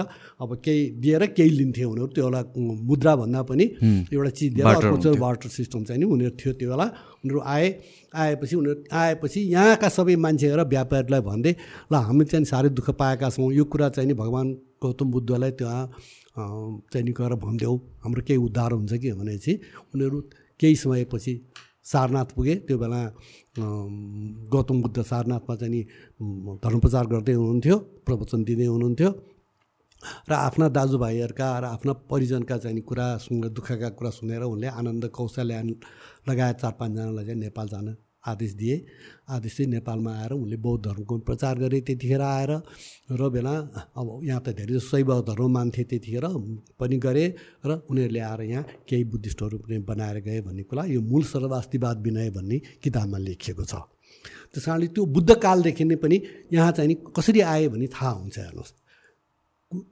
भारतबाट कतिजना अहिलेको त्यो बेला अहिलेको इन्डिया भनौँ भारतवर्षका विभिन्न राज्यबाट कसरी आए उनीहरू भन्ने कुरा यसबाट थाहा हुन्छ ज्ञान हुन्छ। त्यसमध्ये अब अरू त जनतै भएर बसे लिच्छिबीहरू पहिलेदेखि पनि अलि पढे लेखेका धेरै सम्पन्न धेरै बुद्धिजीवी भएका र उनीहरू अलि सक्षम पनि भए उहाँले उनीहरू लिच्छिबीहरूले चाहिँ यहाँबाट राज्य व्यवस्था सुरु गरे। र भारतबाट आएका लिच्छिबीहरूमा भारतमा चाहिँ नि अब हाम्रो जयदेव द्वितीयको पशुपतिको शिलालेख छ। त्यो शिलापत्रमा के भन्छ भने शिलालेखमा भने यो लिच्छिबीहरूको वंश कहाँबाट सुरु हुन्छ भने सूर्यबाट सुरु सूर्यवंशी भनिन्छ यिनीहरूलाई। ब्रह्माबाट सुरु हुँदै हुँदै हुँदै आएर अनि धेरै पुस्तापछि आएर लिच्छवी भन्ने एकजना सुरु हुन्छ। ती लिच्छवी चाहिँ नि त्यो भारतवर्षमै हुन्छन् ती लिच्छवी चाहिँ नि वैशालीमै हुन्छन् ती लिच्छवी। त्यो लिच्छवी लगभग त्यो लिच्छवी चाहिँ बुद्धकालभन्दा सय वर्ष डेढ सय वर्ष अगाडि चाहिँ नि लिच्छवी भन्ने राजा मतलब गणनायक चाहिँ नि उसमा थिए वैशालीमा थिए। त्यसका छ सात पुस्तापछिकामा जब उसले आक्रमण गरिदिए अजातशत्रुले ती चाहिँ भागेर नेपाल आएपछि त्यसमा आएर यहाँ बसेर केही समय यहाँ बसेपछि त्यहाँ सबभन्दा पहिले यसलाई व्यवस्थित गर्ने यसलाई राज्य व्यवस्थामा फेरि सुरु गर्ने यसलाई चाहिँ नि सुपुष्पदेव भन्ने राजा भए। यी चाहिँ चारौँ शताब्दी बि इसापूर्व चारौँ शताब्दी चारौँ शताब्दी भने मतलब fourth century BC BC four BC four century बिसीमा चाहिँ नि सुपुष्पदेव भन्ने राजा नेपालमा भए। सो एकछिन है। सो यो जुन जुन यो लिच्छवी कालले चाहिँ अब नेपालमा रुल गर्न थाल्यो भन्न खोज्नु त्यो त्यो कुन एरियालाई रुल गर्न थाल्यो काठमाडौँ मात्र हो कि अल ओभर यो सबै? अब अल ओभर अब भन्नुहोस् अब कहाँदेखि कहाँसम्म थियो? मैले पहिले त तपाईँलाई जोग्राफी त बताइदिएँ। हजुर। होइन? त्यो जोग्राफी भनेको कुराको नि पोलिटिकल जोग्राफी भने चाहिँ नि घटबड भइरहन्छ। ओके होइन? हजुर। त्यो कति चाहिँ नि फैलिएर जान्छ कति साँगुरिएर आउँछ होइन? आफूले क कसरी नियन्त्रण गर्न सकिन्छ त्यो आफूमा हुन्छ। नियन्त्रणभन्दा बाहिरपछि अर्को हुन्छ। त्यस कारणले त्यो चाहिँ नि अहिले निर्णय यही भनेर निष्कर्षमा पुग्न सकिँदैन। भ्याली मात्रै थियो कि भ्यालीभन्दा बाहिर पनि थियो? भ्यालीभन्दा अलिकति बाहिर थियो भन्ने कुरा किन थाहा हुन्छ भने नि अब श्रावस्तीबाट यहाँ आए भनेको छ। व्यापारीहरू श्रावस्तीबाट आए भनेको छ श्रावस्ती भनेको अहिलेको त तपाईँको झन्डै लखनऊको नजिक नजिक पर्छ श्रावस्ती हेर्नुहोस्। त्यहाँदेखि यतापट्टि नेपाल थियो भन्ने कुरा त्यहाँबाट देखाइन्छ हेर्नुहोस्। भनेपछि श्रावस्तीबाट यताबाट नेपाल चाहिँ नि सुरु हुन्छ नेपाल श्रावस्तीबाट। भनेपछि भ्याली मात्रै थिएन त्यो बेला। तर हुनसक्छ अब आसामदेखि कुमाउँसम्मको क्षेत्र नहोस्। त्योभन्दा छानु होस्। तर दक्षिणतिरपट्टिको सीमा चाहिँ त्यसमा श्रावस्तीबाट नेपाल प्रवेश गरेको भन्ने बित्तिकै नेपाल र श्रावस्ती जोडिएको सिमाना देखियो नि त होइन? त्यो हिसाबले नेपालको भ्याली मात्रै भएन भ्यालीभन्दा ठुलो थियो अलिक ठुलो थियो भन्ने कुरा देखिन्छ होइन? त्यतिखेर ट्राभल कसरी गरिन्थ्यो? हिँडेर नै हो त्यो बेला ट्राभल हिँडेरै गरिन्थ्यो। उनीहरू घोडा पनि प्रयोग गर्थे होइन? अब हात्ती आउने ठाउँसम्म हात्ती पनि लिएर आउँथ्यो होला अब पाहाडमा त हात्ती आउनु सक्दैन थियो सानो घोडा ल्याउने। र अर्को रमाइलो कुरा म तपाईँलाई भन्छु यो चौधौँ यो चाहिँ नि एघारौँ बाह्र एघारौँ बाह्रौँ तेह्रौँ शताब्दीतिर चाहिँ नि भारतबाट यो काशीबाट भनौँ भारत नभनौँ काशीबाट चाहिँ नि आमर्दक मठका एकजना शङ्कराचार्य नेपाल आएका छन् उनी साँडे माथि चढेर आएका छन् उनी। उनी आफ्नो शङ्कराचार्य भने साँडे माथि साँडे पनि साँडे माथि चढेरै उनीहरू आएका छन्। हुन त तपाईँ उत्तर नेपालतिर जानुभएको छ कि छैन थाहा छैन हिमालय क्षेत्रतिर। म त त्यो एरिया सबै घुमेको छु। हुम्ला यता डोल्पा जाँदाखेरि हामी पनि चौरीमाथि चढेर हिँड्थ्यौँ। चौरीमा उनीहरूले यसो छोपिदिन्थे चढेपछि हिँडिन्थ्यो। अहिले पनि चौरीमा चढ्ने चलन छ होइन? याकहरू भनौँ न होइन? सो त्यतिखेरसम्म चाहिँ फर ट्रान्सपोर्टेसन पनि एनिमलहरूलाई चाहिँ टेम गर्न थालिसकेको थियो। नट जस्ट फुड होइन होइन। त्यति मात्रै ट्रान्सपोर्टेसन दुइटै कुरा हुन्थ्यो होइन? त्योभन्दा अगाडिदेखि नै गोरुलाई त गाडाको रूपमा प्रयोग गर्न थालेको थियो नि। ए। गोरुलाई त गाडा हुन्थ्यो। जब हुइल बनाउनु थाल्यो नि मान्छे पाङ्रा बनाउनु थाल्यो त्यसरी मान्छेले धेरै उन्नति गर्न थाल्यो नि। डिस्टेन्स त कम भयो नि। तपाईँ हिँडेर जानुभन्दा त गुडेर राखेर धेरै टाढा चाँडै पुग्नुहुन्छ तपाईँ होइन र? So so first first animals domesticate गरिने भनेको त खानाको लागि नै होला नि त होइन? खानाको लागि। त्यसपछि चाहिँ अनि अनि त्यसपछि ट्रान्सपोर्टेसनको लागि भयो होइन? त्यसरी चाहिँ नि भयो। यसरी चाहिँ नि नेपालमा त्यो बेला बिस्तारै चाहिँ त्यहाँबाट यहाँ सुपुष्पदेव नेपाल आए। नेपाल आएपछि उनले चाहिँ नि पहिले पहिलो नेपालको राजा सुपुष्पदेव हेर्नुहोस्। अब लिच्छेबी राजामा लिच्छेबीहरू यो चाहिँ कति वर्ष अगाडि कुरा गरेर यो अहिले भने चारौँ चार बिसी। चार लगभग चारौँ बिसी। भनेपछि दुई हजार वर्ष अगाडि। कहाँ चौबिस वर्ष चौबिस वर्ष अगाडि। तेइस चौबिस चार सय बिसी भन्नु चार सय बिसी चार बिसी त्यसो भए त्यसो भए चौबिस सय वर्ष अगाडि अगाडिदेखि नै उनी सुपुष्पदेव राजा फर्स्ट राजा। राजा भए। जसले नेपालको एउटा व्यवस्था गरे उनले जसलाई सुशासन कायम गरे। पहिलेको अव्यवस्थित राज्यलाई चाहिँ व्यवस्थित राज्य बनाए उनले। एउटा चाहिँ संस्कृतिले पनि परिपूर्ण भएको राज्य बनाए। किनभने पहिलेका मान्छेहरूमा सायद अब त्यति राम्रो ऊ चाहिँ देखिँदैन। अब लिच्छिपकालदेखि नै त्यो देखिन थालिसकेको छ कि होइन? त्यसको पूर्व सङ्केत पाइसकेको छ। लिच्छिपकालमा चाहिँ एउटा राम्रो सुव्यवस्था भएको शासन सुरु भयो। सो सो नेपालको सिभिलाइ सिभिलाइजेसनलाई वान अफ द ओल्डेस्टमा काउन्ट गर्न सकिन्छ? लगभग लगभग वान वान अफ द ओल्डेस्टमा काउन्ट गर्न सकिन्छ। किनभने तपाईँको इजिप्सियनहरूको इजिप्टको हेर्नुहोस् उनीहरूको चाहिँ झन्डै झन्डै तिन सय चार सय बिसीमै चाहिँ पिरामिड बनिसकेको छ। त्यो चा तिन हजार चार हजार बिसीमै पिरामिड बनिसकेको छ होइन? त्यहाँका चाहिँ ह्युज ह्युज तपाईँको त्यो मूर्तिहरू हेर्न सक्नुहुन्छ तपाईँ त्यत्रो स्टोनका देख्दै डरलाग्दो तपाईँको बाह्र फिट चौध फिट अग्ला। सोह्र फिट अग्लासम्म मूर्तिहरू त्यहाँ पाइन्छ इजिप्टमा। मेसोपोटामियामा त्यस्तै छ होइन? अब अब चिनमा पनि कतिपय त्यस्तै छ। अब हडप्पा म्यानजोडो भनेको अब त्यो यो अहिलेको उसको पाकिस्तानमा पर्छ त्यो केही भारतमा केही भा पाकिस्तानमा पर्छ त्यहाँ पनि मूर्तिहरू त्यत्तिकै पाइन्छन् भने त्यसपछिको सिभिलाइजेसनमा नेपाल पनि पर्छ नि आएर। त्यति अगाडि नपरे पनि त्यसपछि आउँछ त्यो हामी तिन हजार वर्षदेखि नै नेपालको सभ्यता चाहिँ अगाडि अगाडि गरिसकेको छ सो सिभिलाइजेसनलाई ट्र्याक गर्नको लागि one of the most important factor भनेको चाहिँ यो आर्किटेक्चरहरू नै हो ठुल्ठुलो होइन आर्किटेक्चर आर्ट आर्किटेक्चरको साथसाथै हजुर तपाईँको यसलाई ट्र्याक गर्नलाई चाहिँ धेरै कुराहरू छन् हेर्नुहोस् किनभने हाम्रो चाहिँ दुर्भाग्यवश हामी कहाँ उत्खनन भएको छैन पुरातात्विक उत्खनन हुन्छ जमिन मुनि त कति छ नि हो हो जमिन जब मैले यो डुमा खालमा गरेको उत्खननले चाहिँ तपाईँको पैँतिस हजार चार सय बिसीदेखिका कुराहरू हामीले निकाल्यौँ। यो त सी फोर्टिन हो नि कार्बन सी फोर्टिन हो यो। ल्याबले टेस्ट गरेर निकालेको कुरा हो अन्दाज गरेर भनेको कुरा होइन नि हो त। ल्याबमा लगेर त्यो सी फोर्टिन कार्बन सी फोर्टिनको टेस्ट गरेर त्यसले देखाएको डेटिङ हो डेट हो केमा केमा भेटाएको त्यो चाहिँ? मैले अघि नै तपाईँलाई भने हामीले यो उत्खनन गरेका थियौँ त्यहाँ। एक्साबिसन एक्साबिसनमा निकालेको कुराहरू के कुरा निकालेको भन्नु खोज्छ कि? त्यही त्यही त्यो पटहरू पटहरू अब हाडहरू वेपनहरू। वेपनहरू त्यो निकालेका थियौँ नि होइन? त्यस कारणले त्यसको चाहिँ डेटिङ चाहिँ नि त्यो त्यो त साइन्टिफिक भयो नि त्यो त। हो। होइन? साइन्टिफिकको आधारमा कार्बन डेटिङ नै गरे। कार्बन डेटिङै गरेका छौँ नि सी फोर्टिन नै गरेका छौँ। यसबाट त्यति अगाडि गइसक्यौँ भने हाम्रो सिभिलाइजेसन कम सानो र अस्तिको होइन। होइन। हामी त हजारौँ वर्षदेखि स्वतन्त्र छौँ र आफ्नै प्रकारको परिवेशमा बाँचेका छौँ हामी। हामीभन्दा कान्छो हो अहिलेको भारत त धेरै कान्छो हो। अहिले जसलाई इन्डिया भनिन्छ धेरै कान्छो हो। अस्ति अङ्ग्रेजहरूलाई हटाएपछि मात्रै अहिलेको इन्डिया भयो। इन्डियामा त सयौँ राज्यहरू थिए। एउटा मात्रै राज्य थिएन नि त। सयौँ राज्य थिए इन्डियामा। अहिले इन्डिया भने त सबैको कलेक्टिभ एउटै राज्य भएपछि मात्रै यो इन्डिया भयो। त्योभन्दा अगाडि त इन्डिया भइसकेको थिएन नि। विभिन्न राज्य थियो। ग्वालियर राज्य थियो बेग्लै थियो। अहिले छ तपाईँको अरू थुप्रै राज्यहरू थिए इन्डियामा।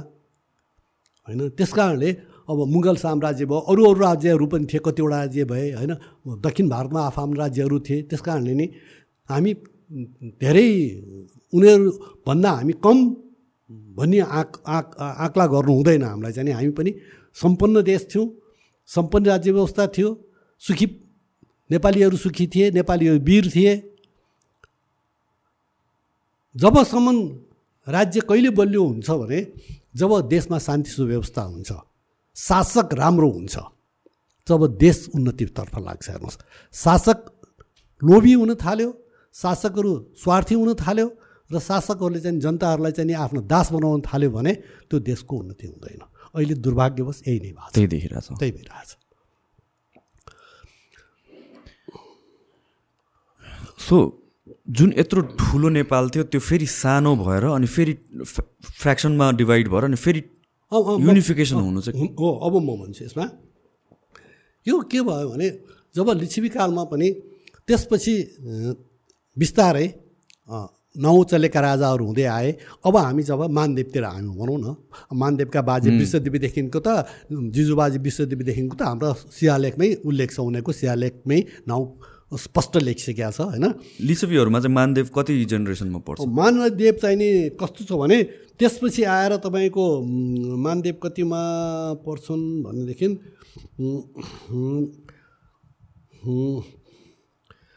अब अजाशत्रुबाट लिच्छिवी राजादेखि बाह्र पुस्तामा चाहिँ नि बाह्रौँ पुस्ता पछि चाहिँ आएर सुपुष्पदेव भए। सुपुष्पदेवपछि तेइस पुस्तालाई छोडेर जयदेव भन्ने राजा भए।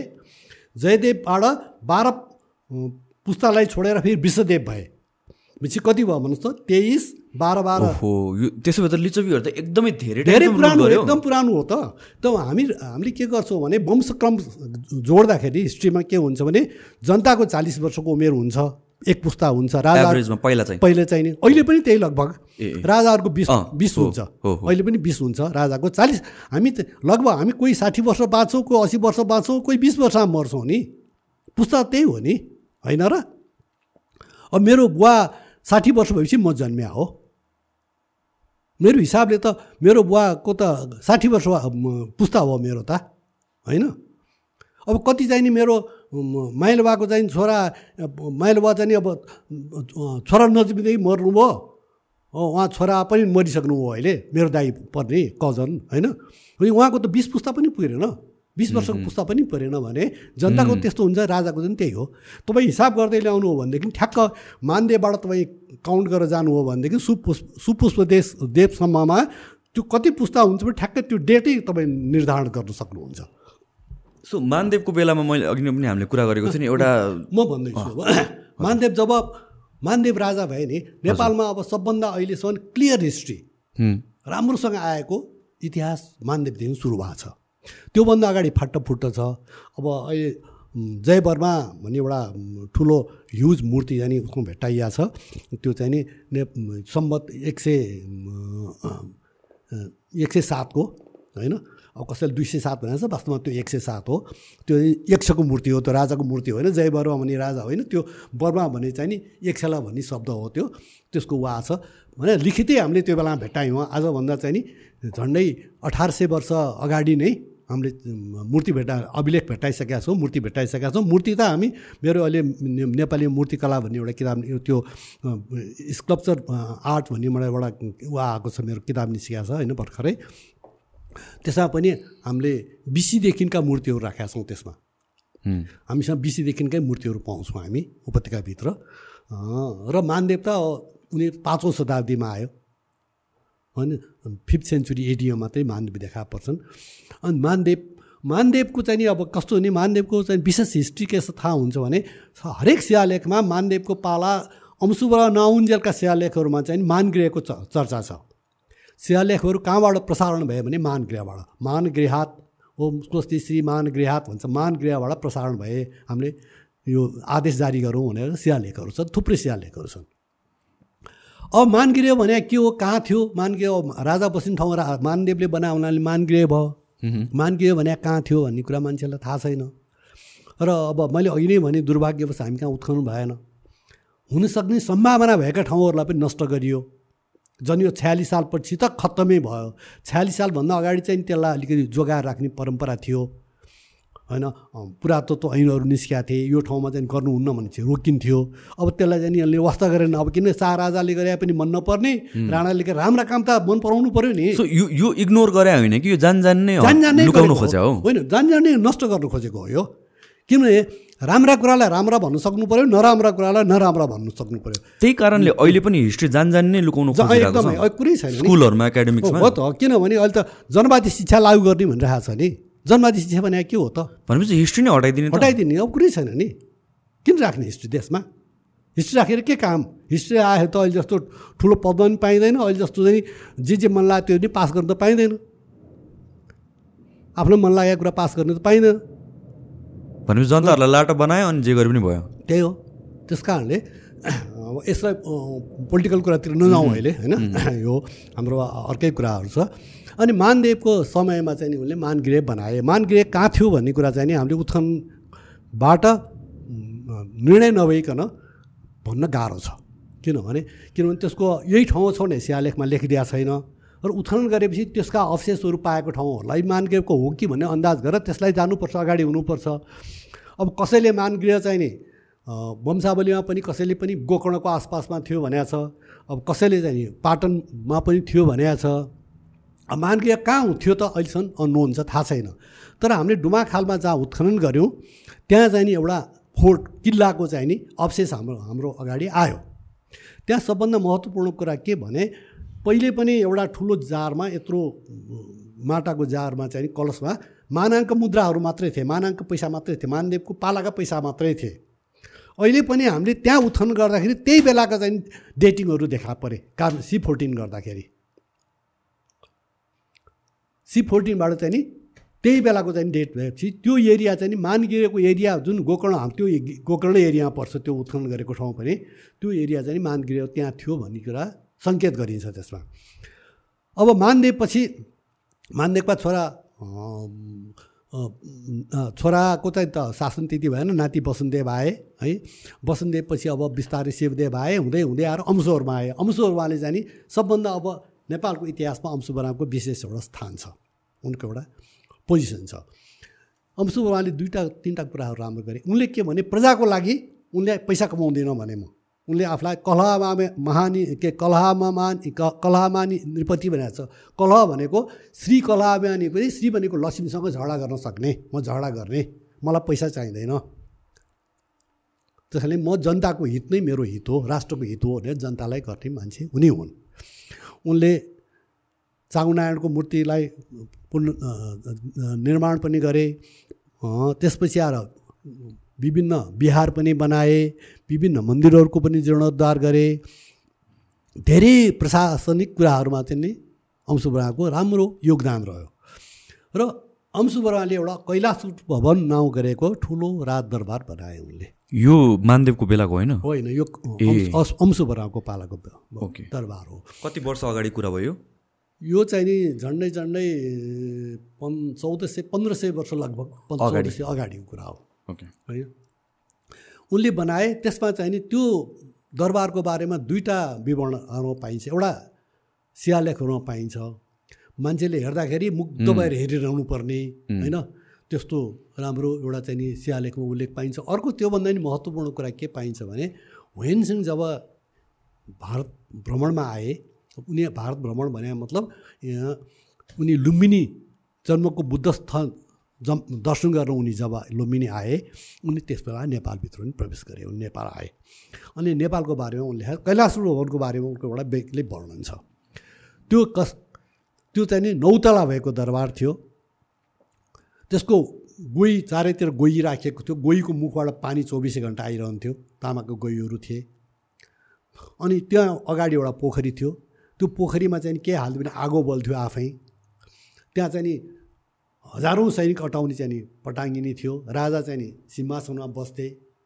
उनको राजाको चाहिँ नि कम्बरपेटीमा बुद्धको चाहिँ नि मूर्ति थियो। र नेपालीहरू चाहिँ कानमा ठुलो कान छेडेर ठुल्ठुलो मुद्राहरू लगाउँथे। नेपालमा पैसाहरू पनि चलन चल्थ्यो। उनले चाहिँ नि कैलाशपुर भवनको वर्णनको साथसाथै नेपालका धेरै वर्णन गरेका छन् उनले।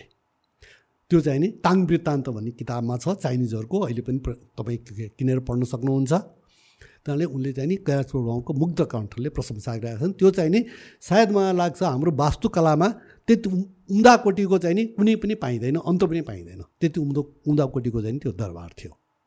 त्यो बेला आर्किटेक्चर र इन्जिनियरिङको पोइन्ट अफ भ्यूले भनेको त त्यो धेरै उच्च कोटीको थियो धेरै माथिल्लो स्तरको थियो।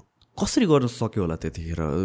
यो कुराहरू अलरेडी नै फिगर आउट भइसक्यो हो कि हाम्रो सिभिलाइजेसनमा होइन अगाडि नै भइसकेको कुरा तपाईँ भन्नुहोस् न त्यो बेलाको युगमा अरू अहिले तपाईँको आँखा अगाडि देखेको इजिप्टको चाहिँ पिरामिड। इजिप्टका चाहिँ त्यो ह्युज त्यो इमेजिन नै गर्न सकिँदैन त्यो बेला कसरी गर्यो होला भनेर। कसरी गर्यो त्यो तपाईँको कमसेकम अढाई टनभन्दा सानो ढुङ्गा कुनै पनि छैन पिरामिडमा होइन? अढाई टन भने ठुल्ठुला ढुङ्गा छ। म त इजिप्ट सबै घुमेर आएको छु होइन त्यत्रो त्यत्रो ढुङ्गा छ। मम्मी नै भन्नुहोस् न। अहिले पाँच हजार छ वर्ष हजार बिसमा पाँच हजार छ हजार वर्ष अगाडि कमसेकम पाँच हजार छ वर्ष छ हजार वर्ष अगाडिका मम्मीहरू लासहरू जस्ताको तस्तै छ। कुहिएको छैन। प्रिजर्भ गर्न कसरी सके त? त्यस कारणले त्यो चाहिँ नि प्रविधि अर्को कुरा म भन्छु। तपाईँ अरूलाई केही बुढालिन कण्ठ हेर्न सक्नुहुन्छ तपाईँ। बुढालिन कण्ठको ढुङ्गा अहिले पन्ध्र सय कसैले त त्यसलाई विष्णुगुप्तले स्थापना गरे भनेको छ त्यो त नि वायात कुरा हो होइन? अहिले भन्दा त्यो लगभग मानदेवको समयतिर सोह्र सत्र सय वर्ष अगाडि स्थापना भएको हो बुढालिन कण्ठ हो। त्यसको त्यो ग्लेज छ नि मुखमा लगाएको। त्यो हरेक वर्ष त्यहाँ हिउँ परेको छ हरेक वर्ष पानी परेको छ हरेक वर्ष असिना परेको छ भन्नुहोस् न पहिले पहिले त हिउँ पनि पर्थ्यो होला. त्यस्तो छ घाम छ त्यस त्यस्तै चमक छ अहिले पनि. अहिले पनि चमक छ. त्यसलाई रिटचहरू गर्दैन? कसले केही गरेको छैन। किन? त्यो पलिस हो एउटा पलिस हो त्यो चाहिँ त्यसलाई आइरन लेप भन्छ होइन? त्यो चाहिँ आइरन पलिस भन्छ। त्यो लगाएपछि त्यो लेपहरू केही न यति बाक्लो लेपहरू हुन्छ। अब हेर्नुहोस् दुर्भाग्यवश अहिले के भने म सबैलाई यहीबाट अनुरोध के गर्न चाह चाहन्छु भने पाठकहरूलाई यो जसले सुन्नुभएको छ श्रोताहरूलाई अहिले हामी जुन अबिर केसरीहरू जुन सिन्दुरहरू प्रयोग गर्छौँ नि त्यसमा एसिड हुन्छ। हामी फाउ खेल्दाखेरि मुखमा देउने मुख पोल्छ हामीलाई थाहा छ। त्यस एसिड भएको कुराहरू ढुङ्गोमा परेपछि ढुङ्गोको जान्छ। अहिले बुढालिन कण्ठको मुख त्यति सफा छ खुट्टा सबै छ्याका छ्याका छ्याका परिसकेका छ किन अबिर त्यहाँ राखे सबै मान्छेहरूले। हाम्रा देउताहरू सबै नष्ट हुँदैछन्। त्यस कारणले अबिरहरूलाई हामीले ब्यान गर्नुपर्छ। कसैले पनि अबिरहरू प्रयोग गर्नु हुँदैन। र तपाईँ अहिले जानुहोस् न बुद्धको चाहिँ नि मन्दिरमा बौद्धमा जानुहोस् अथवा अब त्यो त अलिअलि प्रयोग भएको छ खास गरेर गुम्बाभित्र जानु हो भने त्यहाँ चाहिँ नि फुलहरू राखिन्छ कि बत्ती बालिन्छ। चर्चमा जानुहोस् त्यही हो। होइन? अब साउथ इन्डियामा न कुनैले कुनै पनि लाउनु दिँदैन केही पनि दिँदैन। उनीहरूले दिएको फुलहरू मात्रै त्यहाँ चढाउँछ नैवेद मात्रै चढाउँछ त्यो त टिकामा पनि हामीले अबिर युज गर्छ। त्यो गर्नु हुँदैन। गर्नु हुँदैन नि। तपाईँको पहिले चाहिँ चन्दन भनेको चाहिँ नि स्यान्डवुड हो। हो त्यो मात्रै लगाउने त्यसले त स्वास्थ्यलाई राम्रो गर्छ। घा घाँटीमा घाउ आएको छ भने स्यान्डवुडको पानी खायो भने घाँटी घाउ निको हुन्छ होइन? त्यो पो लगाऊ भने त अब अहिले अबिर आदि गरिएका चाहिँ नि त्यो त्यस्ता चाहिँ नि केमिकलहरू भएका एसिडहरू भएका कुराहरू हामीले प्रयोग गऱ्यौँ भनेदेखि त्यो हामी नष्ट हुन्छ। हाम्रो केही वर्षपछि हाम्रा देउताहरू हामी विरूप हुन्छ कुरूप देउताहरू पाउँछौँ र सायद फुटिसकेका हुन्छन्। अबिर लाउने चलन चाहिँ कहाँबाट आयो यो धेरै पछि आएको। यो मलाई लाग्छ धेरै पनि पर्दैन। म युवक हुँदाखेरि म म पन्ध्र सोह्र वर्षसम्म पनि अबिरहरू मेरो घरमा प्रयोग प्रयोगमा हुँदैन थियो अबिरहरू धेरै रिसेन्ट हो। धेरै रिसेन्ट हो। किनभने जब उताबाट चाहिँ नि मैसुरतिरबाट आउनुपर्ने स्यान्ड उडोहरू र चाहिँ तपाईँको रेड उडोहरू यहाँ आउनु छोड्यो नि महँगो भयो नि। त्यसपछि त्यसको सट्टामा चाहिँ नि यो सिन्दुर चाहिँ नि तपाईँको उचो हो फल हो सिन्दुर चाहिँ नि फल हो त्यो चाहिँ शुद्ध हो भनेदेखि त्यो राम्रो हो सिन्दुर चाहिँ नि। अबिर त पुरै केमिकल हो त्यो त्यो प्रयोग धेरै पछि भएको। म पन्ध्र सोह्र वर्ष हुँदाखेरिसम्म अबिरहरू प्रयोग भएको मलाई थाहा छैन। त्यस कारण यस प्रकारले हाम्रो देशमा धेरै कुराहरू यो विकृतहरू आइराखेको छ। हामीले यदि मूर्तिहरूलाई बचाउने हो भने मूर्तिहरूलाई कसैले छुनु पनि दिनु भएन। हामी के गर्न जान्छौँ भन्नुहोस् मन्दिरमा? दर्शन गर्न जान्छौँ। पर्सन गर्न त होइन छुनु त होइन नि। दर्शन भने दर्शन भने टाढाबाट नमस्कार गर्न दर्शन भनिन्छ। हामी पर्सन गर्न जान्छौँ छुन जान्छौँ। एउटा हाम्रो धर्मग्रन्थमा के लेखा छ धर्म संस्कारमा के छ भनेदेखि कुनै पनि देउतालाई छुनु हुँदैन भन्छ।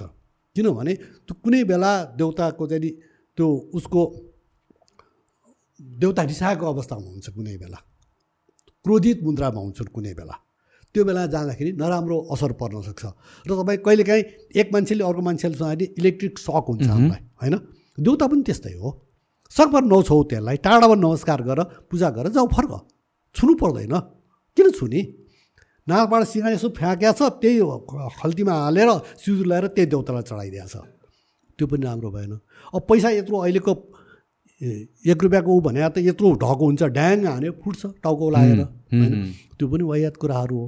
त्यस कारणले सकभर देउतालाई अबिर केसरी यो अक्षताहरू चढाउनु भन्दा त्यसलाई लगेर फुल चढाउँ नैवेद्यहरू राम्रो फलफुलहरू चढाइदिउँ। पानी चढाए पुग्यो देउताले के मागेको छ त हामीसँग? हामी माग्न जान्छौँ देउतासँग। यो देऊ भनेर मलाई छोरा देऊ मलाई राम्री स्वास्नी देऊ मलाई राम्रो लोग्ने देऊ स्मार्ट लोग्ने देऊ होइन मलाई जाने अमेरिका जाने भिसा देऊ ल मलाई मिलाइदेऊ भनेर माग्न जाने होइन तपाईँ हामी। हामी त्यही माग्छौँ नि। देउताले हामीसँग त केही मागेको छैन नि। छ। किन तपाईँ नचाहिने कुरा दिनुहुन्छ देउतालाई? त्यो हाम्रो कल्चर हाम्रो संस्कृति त्यही हो। त्यसलाई जोगाउनु पऱ्यो प्रिजर्भ गर्नु पऱ्यो त्यसलाई जोगाउनु पऱ्यो जसरी भए पनि। हाम्रो हेरिटेज त त्यही हो नि। त्यसलाई हामी इग्नोर गरिरहेको छौँ त्यो जेसुकै होस्।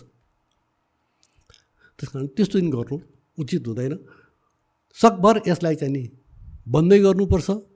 किनभने वर्षमा करोडौँ रुपियाँको चाहिँ नि अबिर केसरीहरूको निर्यात हुन्छ बाहिरबाट।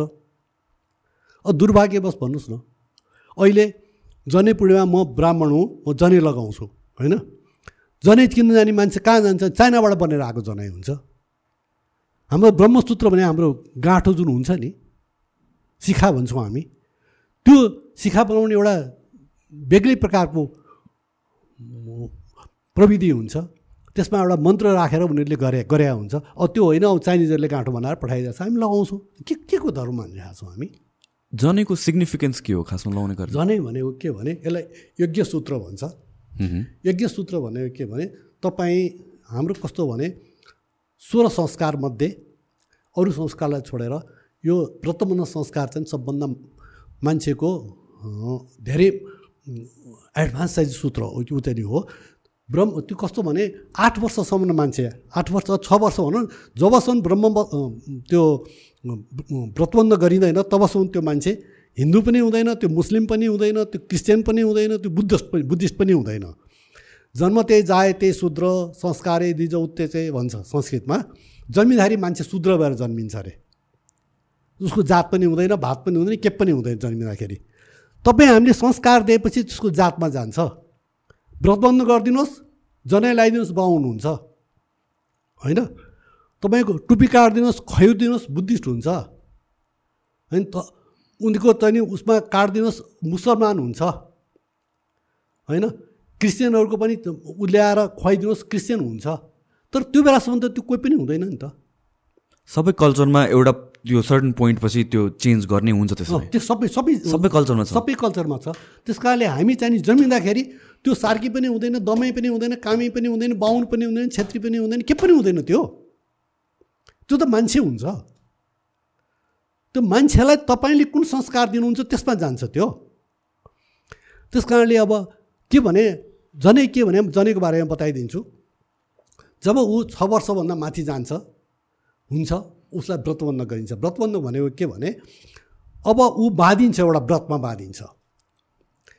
ऊ त्यहाँ गएर उसलाई दिइसकेपछि आमाले उसलाई भिक्षा दिन्छ र ऊ गुरुकुल जान्छ। अब घरमा बस्दैन ऊ।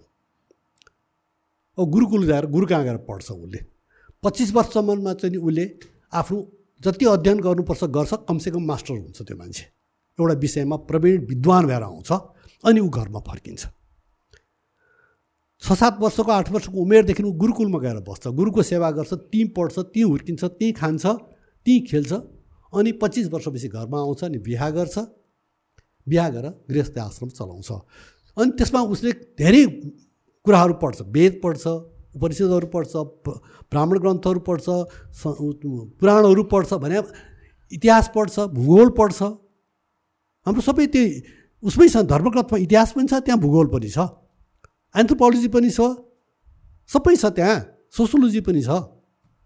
हामी त्यसलाई अङ्ग्रेजीमा पढ्दाखेरि एन्थ्रोपोलोजी सोसियोलोजी भनेर पढ्छौँ। हाम्रा आफ्नै एन्थ्रोपोलोजी सोसियोलोजी छन् नि। अहिले हामीले पढ्न थाले त कति वर्ष हो र सय वर्ष पनि पुगेको छैन। एन्थ्रोपोलोजी ऊ भनेर पढ्न थाले त तिस चालिस पचास वर्ष मात्रै भयो। त्योभन्दा अगाडि हामी के थियौँ त? हाम्रो के हामी अज्ञानी थियौँ। हामीलाई के पनि ज्ञान थिएन। हामीलाई अरूले ल्याइदिएका कुराहरू पढ्यौँ भने चाहिँ हामी विद्वान हुने होइन हामीले पढेका कुरा विद्वान हुँदैन। हाम्रो नराज पन्तजीको एउटा मलाई सबभन्दा ऊ लाग्थ्यो उहाँ बितेर गइसक्नुभयो। उहाँले यो त्रिखण्डी विद्या भन्नुहुन्थ्यो क्या। अलिकति मात्रै पढेर सर्टिफिकेट ल्याएपछि किन किन भने अङ्ग्रेजहरूले सर्टिफिकेट ल्याएपछि जाहिर खान दिन्थे। पैसा कमाउने मात्रै हो विद्वान हुने होइन त्यसबाट। किनभने अहिले विश्वमा अरौँ जनसङ्ख्या छ सबै गरेर विद्वान कतिजना छन् त? विद्वान तपाईँ हातमा गन्न सक्नुहुन्छ विद्वान। होलान् हजार पन्ध्र सय दुई हजार पच्चिस सय होलान् विद्वान त्योभन्दा बढी विद्वान त छैन। तर जागिरे कति छन् भने चाहिँ झन् नै जति जनसङ्ख्या त्यसको आधाभन्दा बढी चाहिँ जागिरे छन् केबाट भने सर्टिफिकेटबाट पा जागिरे छन् र त्यस्तो प्रकारको शिक्षा हामी कहाँ थिएन। हामी कहाँ शिक्षा थियो भने त्यो सभ्यतालाई कसरी बचाउने संस्कृतिलाई कसरी बचाउने कसरी नयाँ सिद्धान्त गर्ने हाम्रो फिलोसफीहरू थिए हाम्रा हाम्रा दर्शनहरू थिए। डेप्थमा थियो एकदम। डेप्थमा थियो। हामीहरूको एउटा साइकोलोजीमा के इन्ग्रेन्ड छ भनेर भनेपछि हामीहरूको यहाँको जे पनि इन्फिरियर छ भनेर के? बाहिरबाट भएको जे पनि कुरा एकदमै राम्रो राम्रो। हाम्रो यहाँ भएको मान्छे यहाँ भएको नलेज यहाँ भएको जे पनि कुरा चाहिँ सेकेन्ड क्लास हो। आफ्नै कन्ट्रीमा हामी सेकेन्ड क्लास सिटिजन छौँ क्या एकदम। होइन मलाई कहिले कस्तो लाग्छ भने आफ्नो बाउलाई बाउ भनेर लाज लाग्छ ड्याड भन्नुपर्छ। त्यो भने म सभ्य समाजको हुँ भन्ने हुन्छ। आमालाई आमा भन्न लाज लाग्छ मम्मी भनिन्छ। एकजना हाम्रो एकजना अलि त्यही पढाइ लेखा मान्छे त होइन। एकजनाले पक्क भन्नुभएको थियो क्या बुढी आइमाले उहाँको हृदय सफा थियो उहाँले भन्नुभएको छ यो किन राख्या ड्याडी र मम्मी भने? ड्याड भनेको त मरेको मान्छे हुन्छ। मम्मी भने मर्या हुन्छ लास हुन्छ अरे। त्यस्तो नाउँ राख्नु हुन्छ। भनेर भन्नुभएको थियो। मलाई चस्सक्क लाग्यो त्यो कुरा के? उहाँले अन्जान अवस्थामा भन्नुभएको छ होइन? हामी त्यो भन्न चाहँदैनौँ। हेर्नुहोस् संस्कृत भाषा संसारको सबभन्दा महत्त्वपूर्ण भाषा हो र सबभन्दा प्राचीन भाषा मानिन्छ संस्कृत भाषा। संस्कृत भाषा जति पुरानो तपाईँको अरू भाषा पाउनुहुन्न ल्याटिन र संस्कृत सँगसँगै मानिन्छ। तर हेर्नुहोस् ल्याटिनमा तपाईँको फादर इङ्ग्लिसमा फादर भनिन्छ भने भने हामी पितर भन्छौँ। पितरको फादर हुन्छ। मातरको मदर हुन्छ। आमालाई मातर भन्छौँ हामी संस्कृतमा होइन? ल्याटिनमा अथवा उसमा चाहिँ मदर भनिन्छ। दुई तर भने छोरीलाई डटर भन्छ उनीहरूले दुई तरलाई। अङ्ग्रेजीमा डटर भन्छ हामी छोरीलाई दुई दुई तर भन्छ। यस्ता धेरैवटा प्रमाणहरू दिन सक्छौँ हामीहरू यो सबै संस्कृतबाट त्यतापट्टि गएको छ। हामी त्यति हाम्रो भाषा त्यति कमजोर छैन। र अहिले चाहिँ संस्कृत भाषा भने त यो त युनिभर्सल भाषा हो बाबा। संसारले जान्ने भाषा हो। संस्कृत भाषा त अत्यन्त माथिल्लो स्तरको भाषा हो। यो भाषाबाट धेरै भाषाको जन्म भएको छ। सारा यो एक थरी यो हाम अहिलेको भनौँ न यो चाहिँ नि यो सब कन्टिनेन्टमा चाहिँ जुन छ भारतीय सब कन्टिनेन्टमा बोल्ने भाषाहरू जति भाषा त्यसको मदर नै मातृभाषा नै संस्कृत हो। म अहिले त्यही संस्कृतको त्यसैको मेरो मातृभाषा संस्कृत हो त्यसैबाट जन्मेको भाषा हो नेपाली त्यसैबाट जन्मेको भाषा हो नेवारी त्यसैबाट जन्मेको भाषा हो अर्को भाषा हिन्दी अथवा बङ्गाली अथवा उडियन उडिसिया त्यस कारणले त्यो भाषालाई हामी चाहिँ नि त्यो भाषा नराम्रो भन्छौँ। र तपाईँको अहिले कम्प्युटरमा हेर्नुहोस् संस्कृत जस्तो चाहिँ नि सजिलो भाषा केही होइन भने कम्प्युटराइज भइरहेको छ त्यो भाषा अहिले। होइन? पहिला म सानो हुँदाखेरि चाहिँ क्लास फाइभ कि कतिसम्म चाहिँ संस्कृत पढ्नै पढ्नु पढ्नै पर्थ्यो। मेरो बेलादेखि चाहिँ हटाएको हो त्यतिखेर त अब थाहा छैन अब यस्तो कुराहरू खुसी भएको होइन? हजुर। पढ्नु पर्दैन भनेर त्यतिखेर त। तर हराउँदै हराउँदै जान्छ त्यसरी नै। अब संस्कृत तपाईँलाई म अर्को उदाहरण दिन्छु। म इटली गएको थिएँ। इटली गएपछि मेरो एकजना प्रोफेसर हुनुहुन्थ्यो। उहाँ चाहिँ उहाँले मलाई के भन्नु भने म गा गएको केही समयपछि बिस्तारै त्यो मलाई इटालियन भाषा त आउँदैन थियो। त्यो सुन्दा सुन्दा चाहिँ त्यो बा बार्गेनिङ गर्न सुरु गरिसकेँ मैले के? त्यो संस्कृत पढ्या उहाँले मलाई संस्कृतको अलिकति ज्ञान भयो उहाँले इटालियन भाषा मलाई मजासँग आउनु थाल्यो कि? बोल्न चाहिँ नि मलाई अलिक गाह्रो हुन्थ्यो। है बुझ्नु हुने भने बुझ बुझ्थ्यो हेर्नुहोस् तपाईँको इटालियनमा ओनो भनेको एक दुबे भनेको दुई त्रयो भनेको तिन एउटा क्वाथ्रो भन्ने मात्रै चार हुन्छ यो सबै दससम्म नै यसरी सेतो अटो प नवे सेन्चो भनी यसरी भनिन्छ होइन त हाम्रो पनि ओनो भन्ने शब्द पर्छ। आउँछ तपाईँलाई थाहा छैन? याद छ? हाम्रो काउन्ट गर्दाखेरि ओनो भन्ने शब्द पनि आउँछ। संस्कृतमा? होइन नेपाली नेपालीमा? याद छ? त्यो याद छैन। छैन छैन। उन्नाइस ओ वर्डै आउँछ। उन्तिस उन्चालिस उनो आउँछ क्या? आउँदैन हेर्नुहोस् त। भने शून्यभन्दा माथि को चाहिँ त्यो ओनो भन्ने एउटा शब्द आउँछ। शून्य पछिको चाहिँ नि आउँछ होइन? आउँ त्यो शून्यभन्दा अगाडि आएपछि ओनोबाट आउँछ। उन्तिस पछि तिस आयो। तिन आयो नि त। होइन? उन्चालिस उनोपछि चालिस चार आयो नि त। होइन? यसरी चाहिँ नि यो भाषा हाम्रो नजिक छ। त्यस कारणले जसले संस्कृत राम्रो पढाएको छ संस्कृत जो विद्वान छ त्यसलाई संसारको कुनै पनि भाषा बोल्न पढ्न गाह्रो हुँदैन।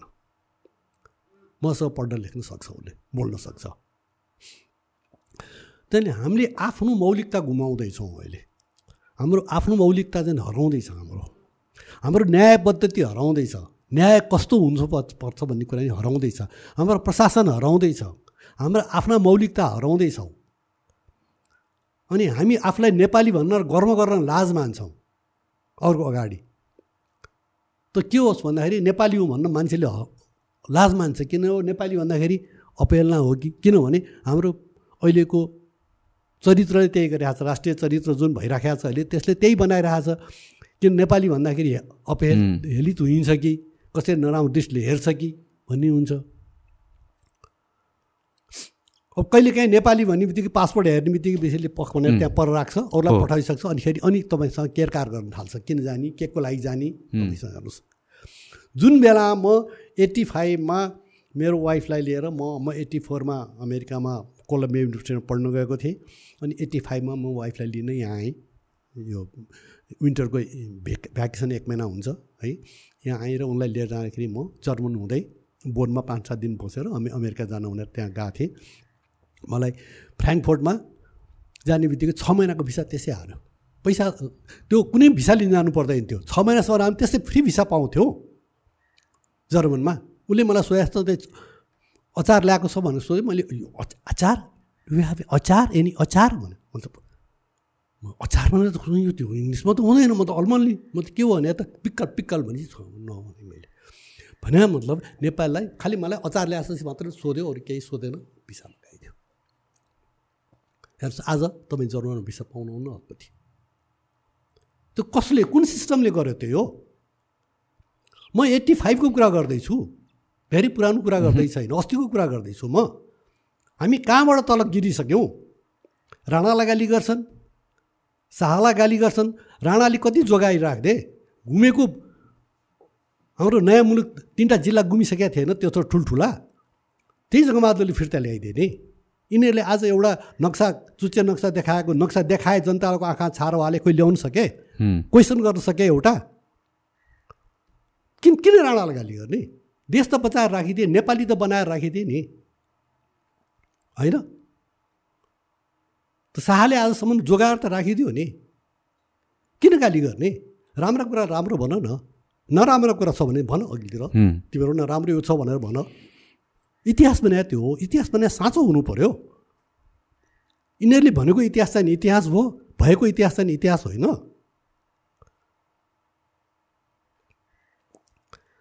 त्यस कारण चाहिँ नि म के भन्छु भने अब पृथ्वीनारायण तपाईँले अघि सोध्नु भएको थियो पृथ्वीनारायण शाहको पालामा कत्रो देश थियो के गयो अब जसरी भारतमा सयौँ राज्यहरू थिए त्यस्तै नेपालमा पनि लिचि आठौँ शताब्दीसम्म सातौँ शताब्दीसम्म नेपाल एउटै एउटै ढिक्का थियो। प्रायात न तत्र सठा ये पूर्व देशाश्रया सामन्ता प्रणिपात बन्धु प्रवष्ट मौली स्रज।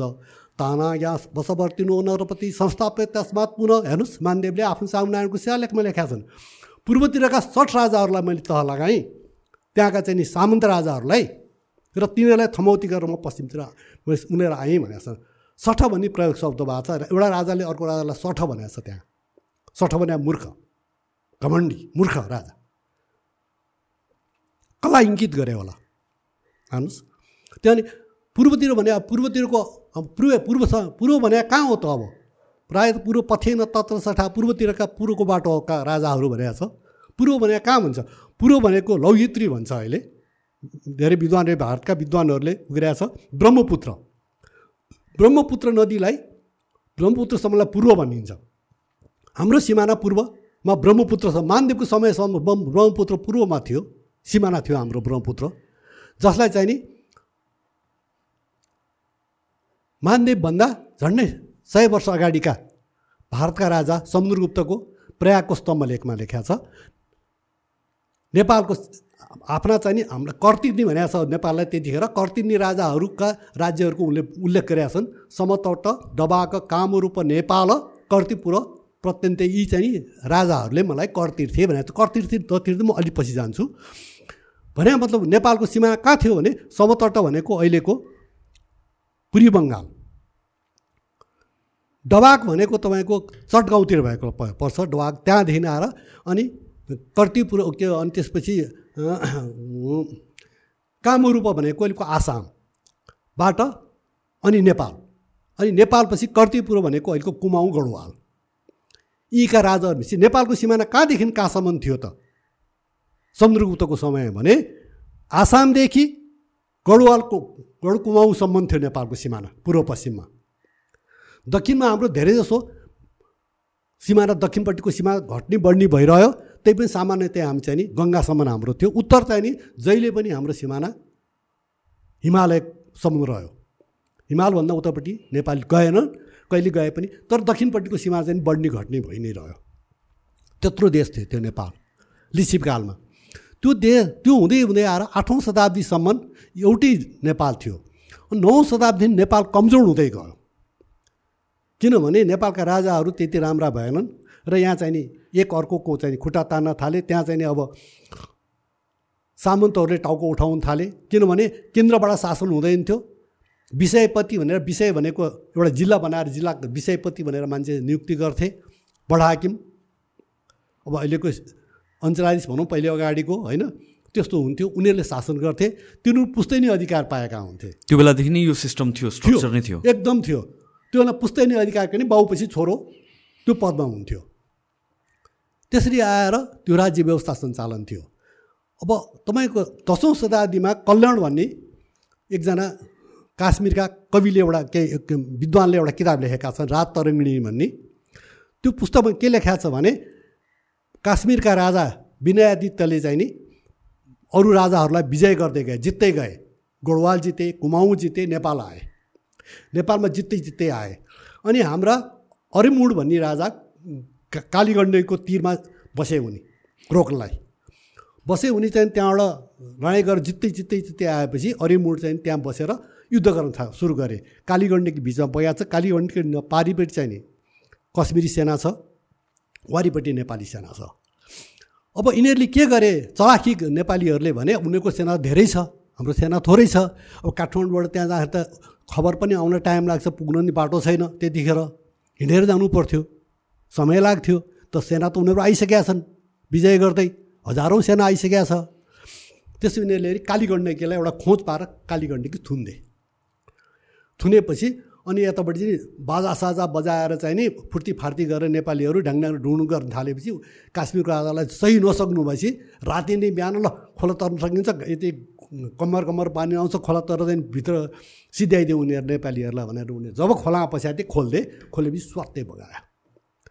कश्मीरी सेना सबै बगाए कश्मीरका राजालाई समातेर लगाएर कैद गरियो किल्लामा अरिमुडले कैद गरेको कुराहरू लेखाएको छ। पछि आएर मन्त्रीले आएर आफू आत्महत्या गरेर आफ्नै लासबाट राजालाई भगाएको चाहिँ कथा छ पछिबाट कुरा छ। हेर्नुहोस् आएको त्यत्रो फौजलाई गढवाल कुमाउँ आदि गरिएका त्यहाँका पाञ्चाल देशका राजाहरू कसैले रोक्न सकेन नेपालीहरू रोक्यो। अङ्ग्रेजलाई भारतले रोक्न सकेन नेपालीहरूले रोक्यो। चिनका फौजहरूलाई नेपालीहरूले रोक्यो। त्यस कारणले त्यत्रो एउटा आत्मबल भएको त्यति युद्धकला जानेका इमान्दार शासक थिए। युद्ध गर्न जानेका कला भएका सेनापतिहरू थिए। यो देशलाई यसरी बचाइएको थियो। अब त्यो बिस्तारै बिस्तारै त्यो जुन केन्द्रबाट शासन गर्ने शासक चाहिँ नि आफू कमजोर थियो र बाहिरका जो सामन्तहरू थिए जो अब त्यहाँका चाहिँ जिल्लाधीश भएर गएका थिए उनीहरू स्वतन्त्र भए। स्वतन्त्र हुनु बित्तिकै नेपाल टुक्रिन थाल्यो। र त्यसमा तिनवटा नेपालको चाहिँ तिनवटा दसौँ शताब्दीमा आएपछि तिनवटा राज्य स्थापित भए। एउटा उपत्यकाभित्रको एउटा मल्ल राज्य अनि दक्षिणतिर तिरहुत राज्य जसलाई चाहिँ सिमरौगढ भनिन्छ। उहाँबाट दक्षिण भारतबाट आएका सेनापतिले चाहिँ नि स्थापित गरे त्यो राज्य।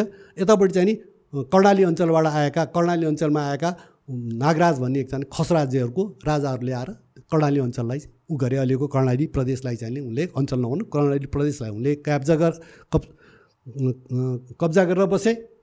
यतापट्टि चाहिँ नि भन्ने राजाले कर्नाटकबाट आएका रा सेनापतिले त्यहाँ राज्य स्थापित गरे।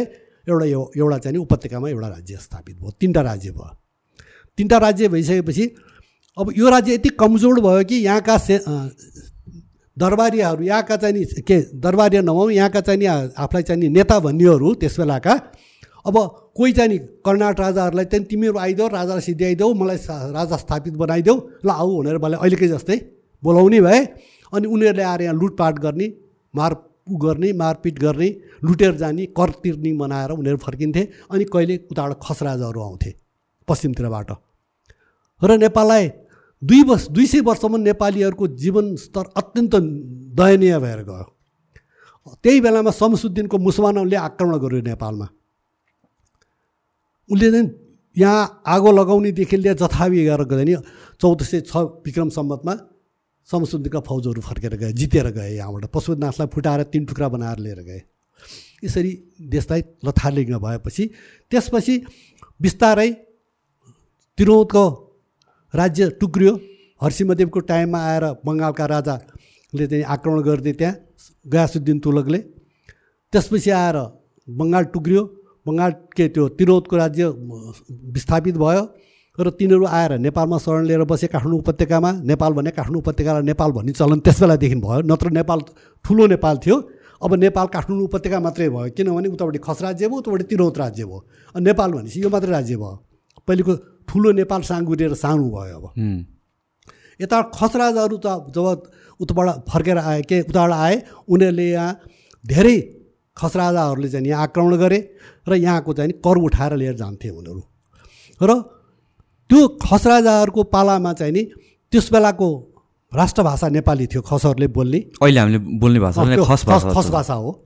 खस भाषा थियो होइन? त्यो खस भाषा चाहिँ नि बिस्तारै यो ती खसहरू चाहिँ नि यहाँ प्रवेश गरे र हाम्रो यो त्रिशुलीभन्दा पश्चिम सबै खस भाषा चल्थ्यो र खस राज्य थियो। त्रिशुल त्रिशुलीभन्दा पश्चिम। त्रिशुलीभन्दा यतापट्टि मल्ल राजाहरू थिए। यहाँ नेवारी भाषा चले पनि नेपाली भाषा सम्पर्क भाषाको रूपमा थियो।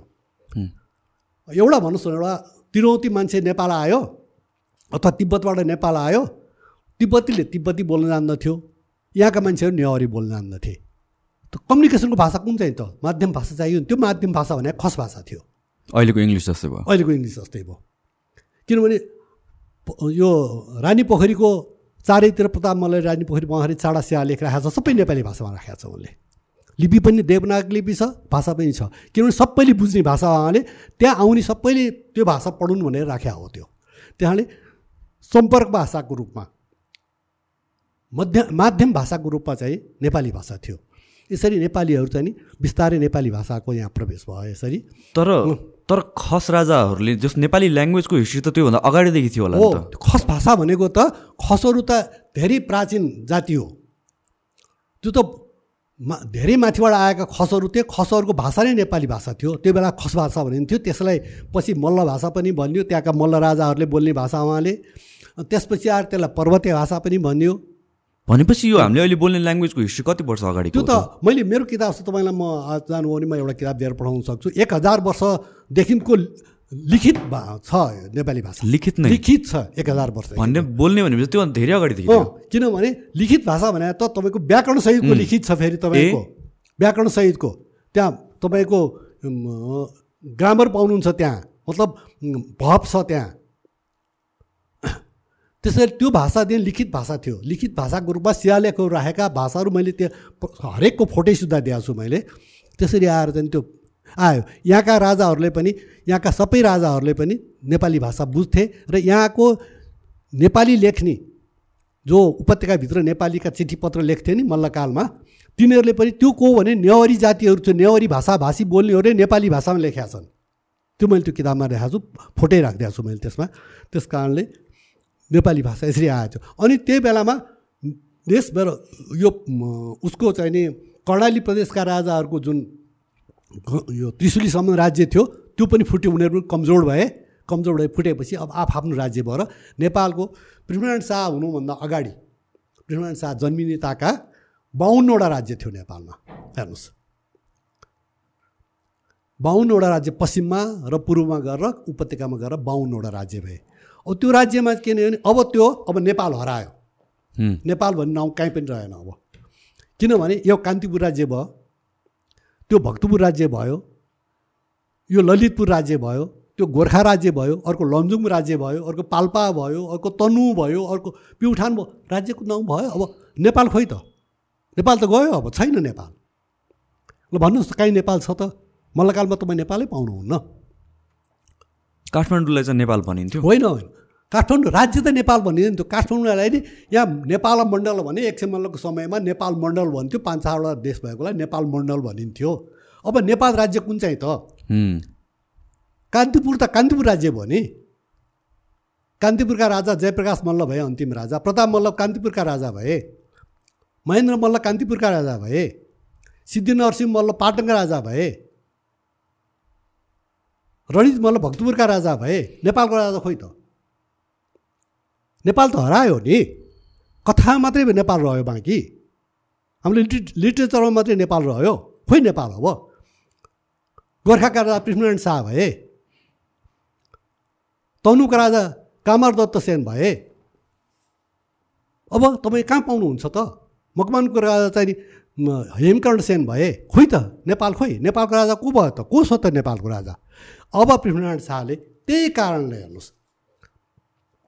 पृथ्वीनारायण शाहलाई चाहिँ नि यो रक्त पिपासु थियो अर्को देश विजय गर्दै गएको त्यो बिल्कुल बिल्कुल गलत कुरा हो। सबैले बुझ्ने त्यही हो। मैले पनि सोच्ने त्यही हो। मलाई पनि के लाग्थ्यो भनेपछि यो नेपाल भन्ने चिज थिएन। सानो सानो सानो सानो राज्यहरू थियो। पृथ्वीनारायण शाहले सबैलाई जित्दै लगेको भन्ने कुरा। मलाई त यो थाहा थिएन कि हिस्ट्री भनेको त नेपाल अलरेडी थियो अनि त्यो ब्रेकडाउन भयो। उसले फेरि त्यो कम्बाइन गर्नु खोज्यो। कम्बाइन गर्नु खोज्यो। तपाईँलाई मैले भने तिन हजार वर्षदेखि नेपाल छ। आजको नेपाल हो र प्रमाण दिइरहेको छु तपाईँलाई मैले। तपाईँ भिजुअल चाहिन्छ भने तपाईँलाई म सबै किताब दिन सक्छु। हेर्नुहोस् पढ्नुहोस्। त्यस कारण पृथ्वीनारायण शाहले के भने अब युनिफिकेसन गर्न थाले उनले। नेपालै बनाउँछु भनेर। उनले नेपाल बनाएका हुन्। पृथ्वीनारायण शाहले यो यो सिन्धुलीका एकजना राम रामचन्द्र पर्साई भनेर एउटा चिठी लेखेको छ लाल मोहर छ मैले छापिदिएको छु त्यसमा। उसले के भने अङ्ग्रेजहरूले चाहिँ नि सिधुलीबाट आक्रमण गर्छ भन्ने सुनि उता कान्तिपुरको सिउँदुल त कान्तिपुरमा पर्थ्यो पृथ्वीनारायण शाहले चारैतिर हेरिराखेका थिए कान्तिपुर विजय गर्न सकेका थिएनन्। भर्खर किर्तिपुर चाहिँ विजय भएको थियो। किर्तिपुरमा पृथ्वीनारायण शाह बसेका थिए। त्यो बेला उसले चाहिँ नि राजालाई आएर बिन्ती पत्र लेख्यो। के भने अङ्ग्रेजहरू चाहिँ नि आउँदैछन् रे अब हामीले के गरेर बस्ने हो त अब? भने उसले के भने जयप्रकाश मल्लले चाहिँ नि रोक्दै सक्दैन भने थाहा पाइसक्यो।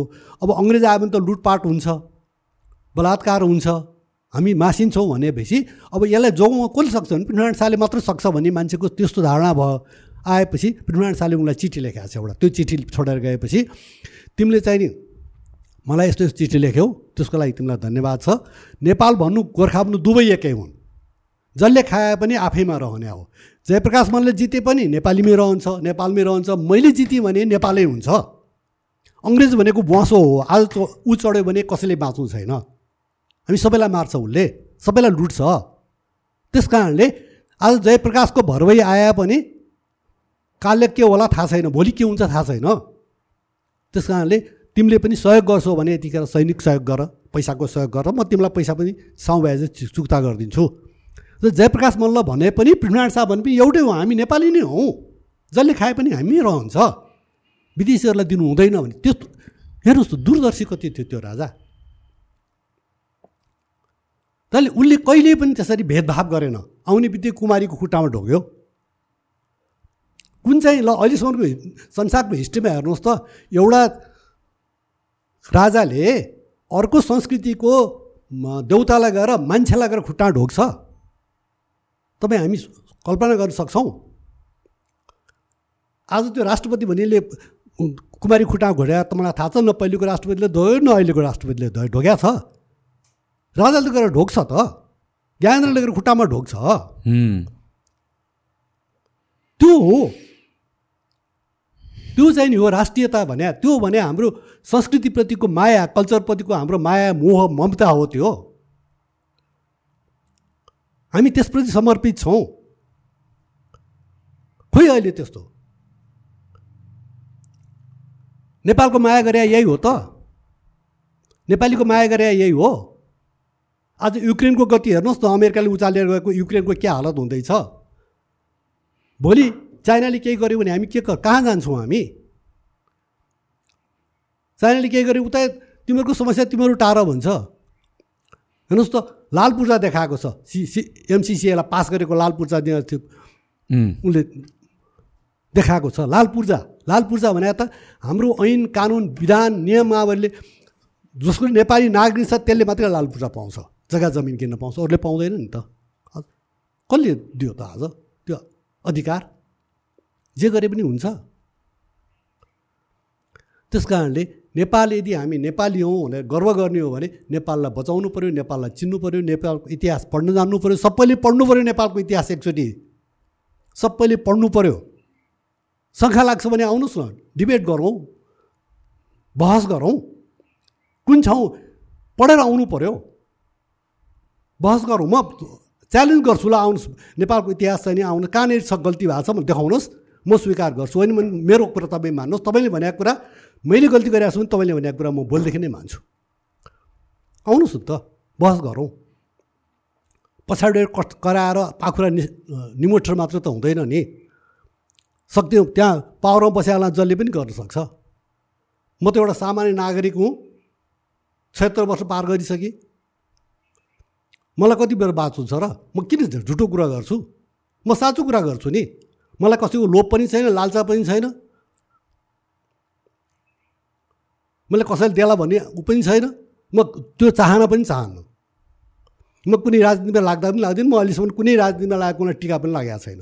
मलाई कुनै पोलिटिक्सप्रति मलाई चासो छैन। म त शुद्ध नेपालको इतिहास नेपाली संस्कृति नेपाली भाषा नेपाली कलाको माया गर्ने मान्छे हुँ त्यसपछि डुबुल्की मार्ने मान्छे हुँ म। ल मेरै उमेरको मान्छे। ल म च्यालेन्ज गरिदिन्छु अहिलेसम्म अट्ठाइस तिसवटा किताब लेख्ने मान्छे एक्जाम देखाउनुहोस् न। उपन्यास लेखे होलान् कथा लेखे होलान् कविता लेखे होलान्। रिसर्च बुक त लेखा छैन नि त्यतिको कसैले पनि। मैले लेखाएँ भने मैले आफ्नो गर्व ठुलो बनाएको होइन मैले। बाबा पढिदेऊ न मैले जति नै पढिदेऊ। मभन्दा बढी पढ्यौ भने त म तिमीलाई गुरु मान्छु। मेरो जति नै पढिदियो मेरो जति नै लेखिदेऊ न देशको लागि गरिरहेको छु मैले मेरो अर्को स्वार्थ छैन नि त।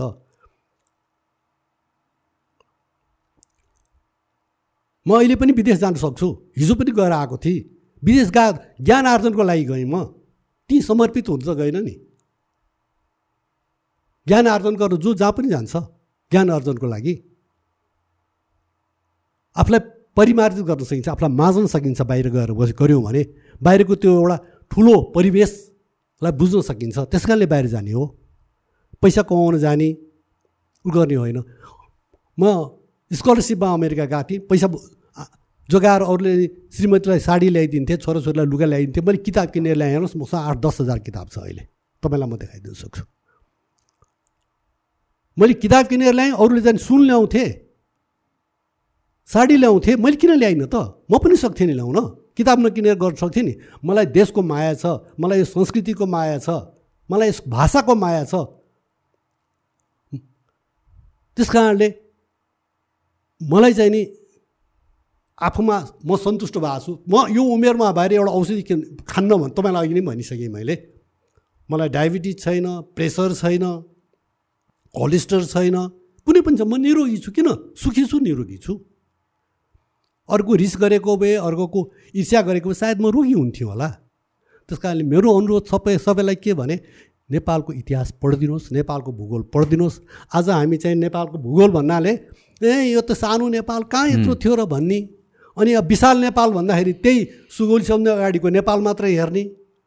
अब हामीले त्यो न विशाल नेपाल हामीले लिन सक्छौँ। न मैले अहिले भनेका सम्पूर्ण नेपाल लिन्छौँ जत्रो छ त्यसलाई बचाउँ न आज जत्रो छ त्यसलाई त बचाउनु त्यसलाई सुरक्षित राखौँ न त्यो पो बुद्धिमानी हो त। तपाईँ कसरी लिन सक्नुहुन्छ? विश्व कहाँबाट कहाँ पुगिसक्यो बाबा? चारौँ शक्तिको रूपमा इन्डिया छ हामी इन्डियासँग लड्न सक्छौँ। सकिँदैन नि। जे छ त्यसलाई बचाउँ न कसैसँग पनि झगडा नगरौँ। इन्डिया पनि हाम्रो मित्र हो चाइना पनि हाम्रो मित्र हो अमेरिका पनि मित्र हो रसा पनि मित्र हो। राजा महेन्द्रले गरिदिएको सन्तुलन ऊ छ नि परराष्ट्र नीति छ नि त। असंलग्न हामी कति दिन संलग्न नहुने। आज चाहिँ नि युक्रेनसँग लाग्छु भने के फाइदा भयो त? रसालाई चिडाउनु चाइनालाई चिडाउनु भन्दा बाहेक त केही भएन नि त। त्यो बुद्धिमानी होइन नि।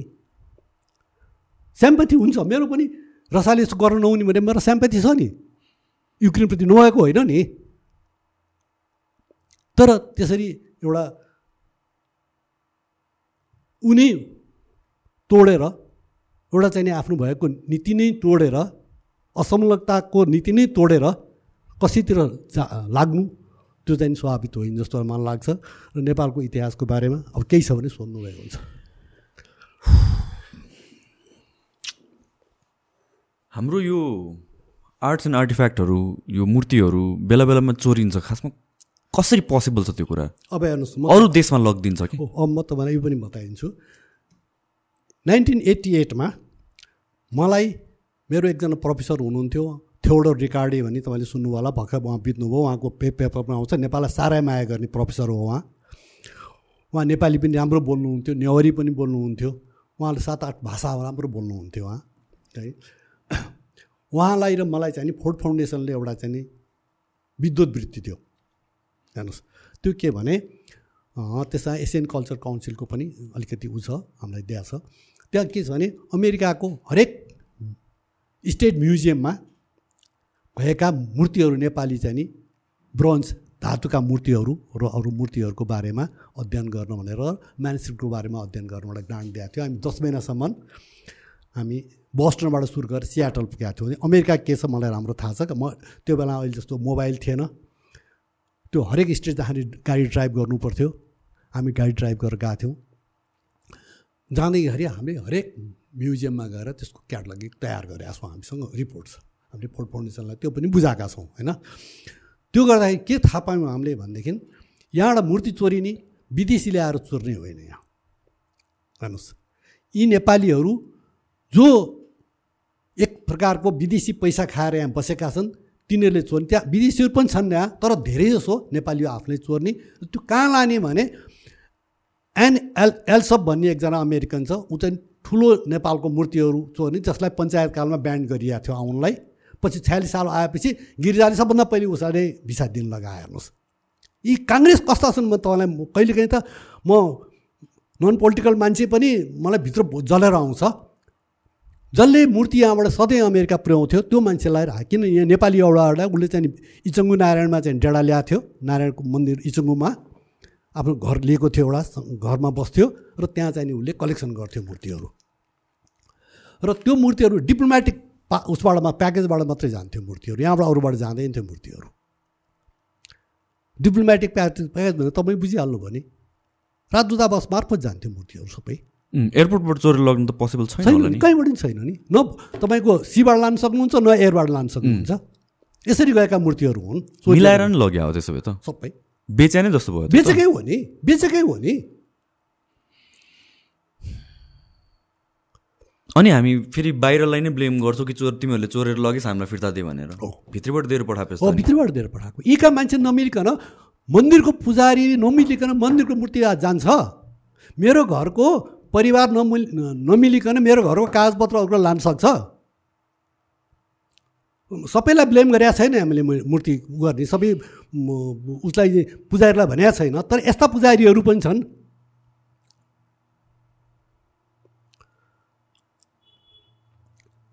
त्यसमा हामी कहाँ अमूल्य मूर्तिहरू छन्। अब हेर्नुहोस् मूर्ति त्यसै जाँदैन। त्यो अमेरिकनहरूले एउटा यस्तो पोलिसी बनाएको छ तपाईँलाई म भन्छु यसबाट थाहा पाएको मैले त्यो बेला अमेरिकनहरूले के गर्छ भनेदेखि उनीहरू हेर्नुहोस् भित्र बसी बसी उनीहरूले अर्को संसारका सा हामी मात्रै होइन इजिप्टहरूको पनि त्यही हालत छ। सबै बाहिर इजिप्सियनहरूको त हाम्रोभन्दा पनि गए गुज्रेको हालत छ। उनीहरू त सबै गइसकेको छ धेरै जस्तो हो होइन? लान्छ त्यो लैसकेको छ उनीहरूले। बेलायतले पनि लान्थ्यो अमेरिकाले लान्थ्यो फ्रान्सले लान्थ्यो सबै लान्थ्यो हामी मात्रै होइनौँ। यो अविकसित देशहरूको त यो सबभन्दा ठुलो रोग हो क्या सबै यिनीहरू लान्थे यिनीहरू। अब उनीहरूले के गर्नु उनीहरूको पोलिसी के भनेदेखि एउटा मूर्ति अहिले वासिङटन डिसीमा पुग्यो। सपोज एउटा यो कुनै यो मूर्ति भन्नुहोस् एउटा मूर्ति। यो मूर्ति चाहिँ नि पन्ध्र सय वर्ष अगाडिको मूर्ति भयो अथवा बाह्र सय वर्ष अगाडिको मूर्ति भयो। त्यहाँ पुग्यो। त्यहाँ पुगेपछि यसको चाहिँ नि इभ्यालुएसन हुन्छ। त्यो कति पर्छ त? त्यसको कस्टिङ हुने इभ्यालुएसन गरेर कस्टिङ गर्छ उनीहरूले। कति हुन्छ भने यो मूर्तिको नि एक लाख डलर पर्छ अमेरिका पुग्दाखेरि सपोज। अथवा दस हजार डलर पर्छ। भने त्यो मूर्ति भएपछि तपाईँले ट्याक्स रिडिक्स भयो तपाईँको। त्यो मूर्ति तपाईँ लिए बापत तपाईँ रेजिस्टर गर्नुहोस् गभर्मेन्टलाई ट्याक्स रि रिडिक्स भयो। ट्याक्स तिर्नु पऱ्यो भने तपाईँले गभर्मेन्टलाई तिर्नु पऱ्यो नि ट्याक्स त्यति पैसा बराबरको। र त्यो तपाईँ छौन्जेल तपाईँले राख्ने तपाईँ मरेपछि त्यो स्वत म्युजियममा जाने। र तपाईँकै नाउँमा राखिने। हेर्नुहोस् त इन्करेज गरेको छ पोलिसी नै त्यो पोलिसी नै त्यो भएपछि तपाईँको कसले त्यो लिएर जाँदैन मूर्ति? यो देशको मूर्ति? अनि उनीहरूले पैसा पर्दैन पैसा यहाँ फ्री पाए जस्तो भयो फ्री पाए भएन भएन भन्नुहोस् त। उनीहरूको पोलिसी नै त्यही छ त।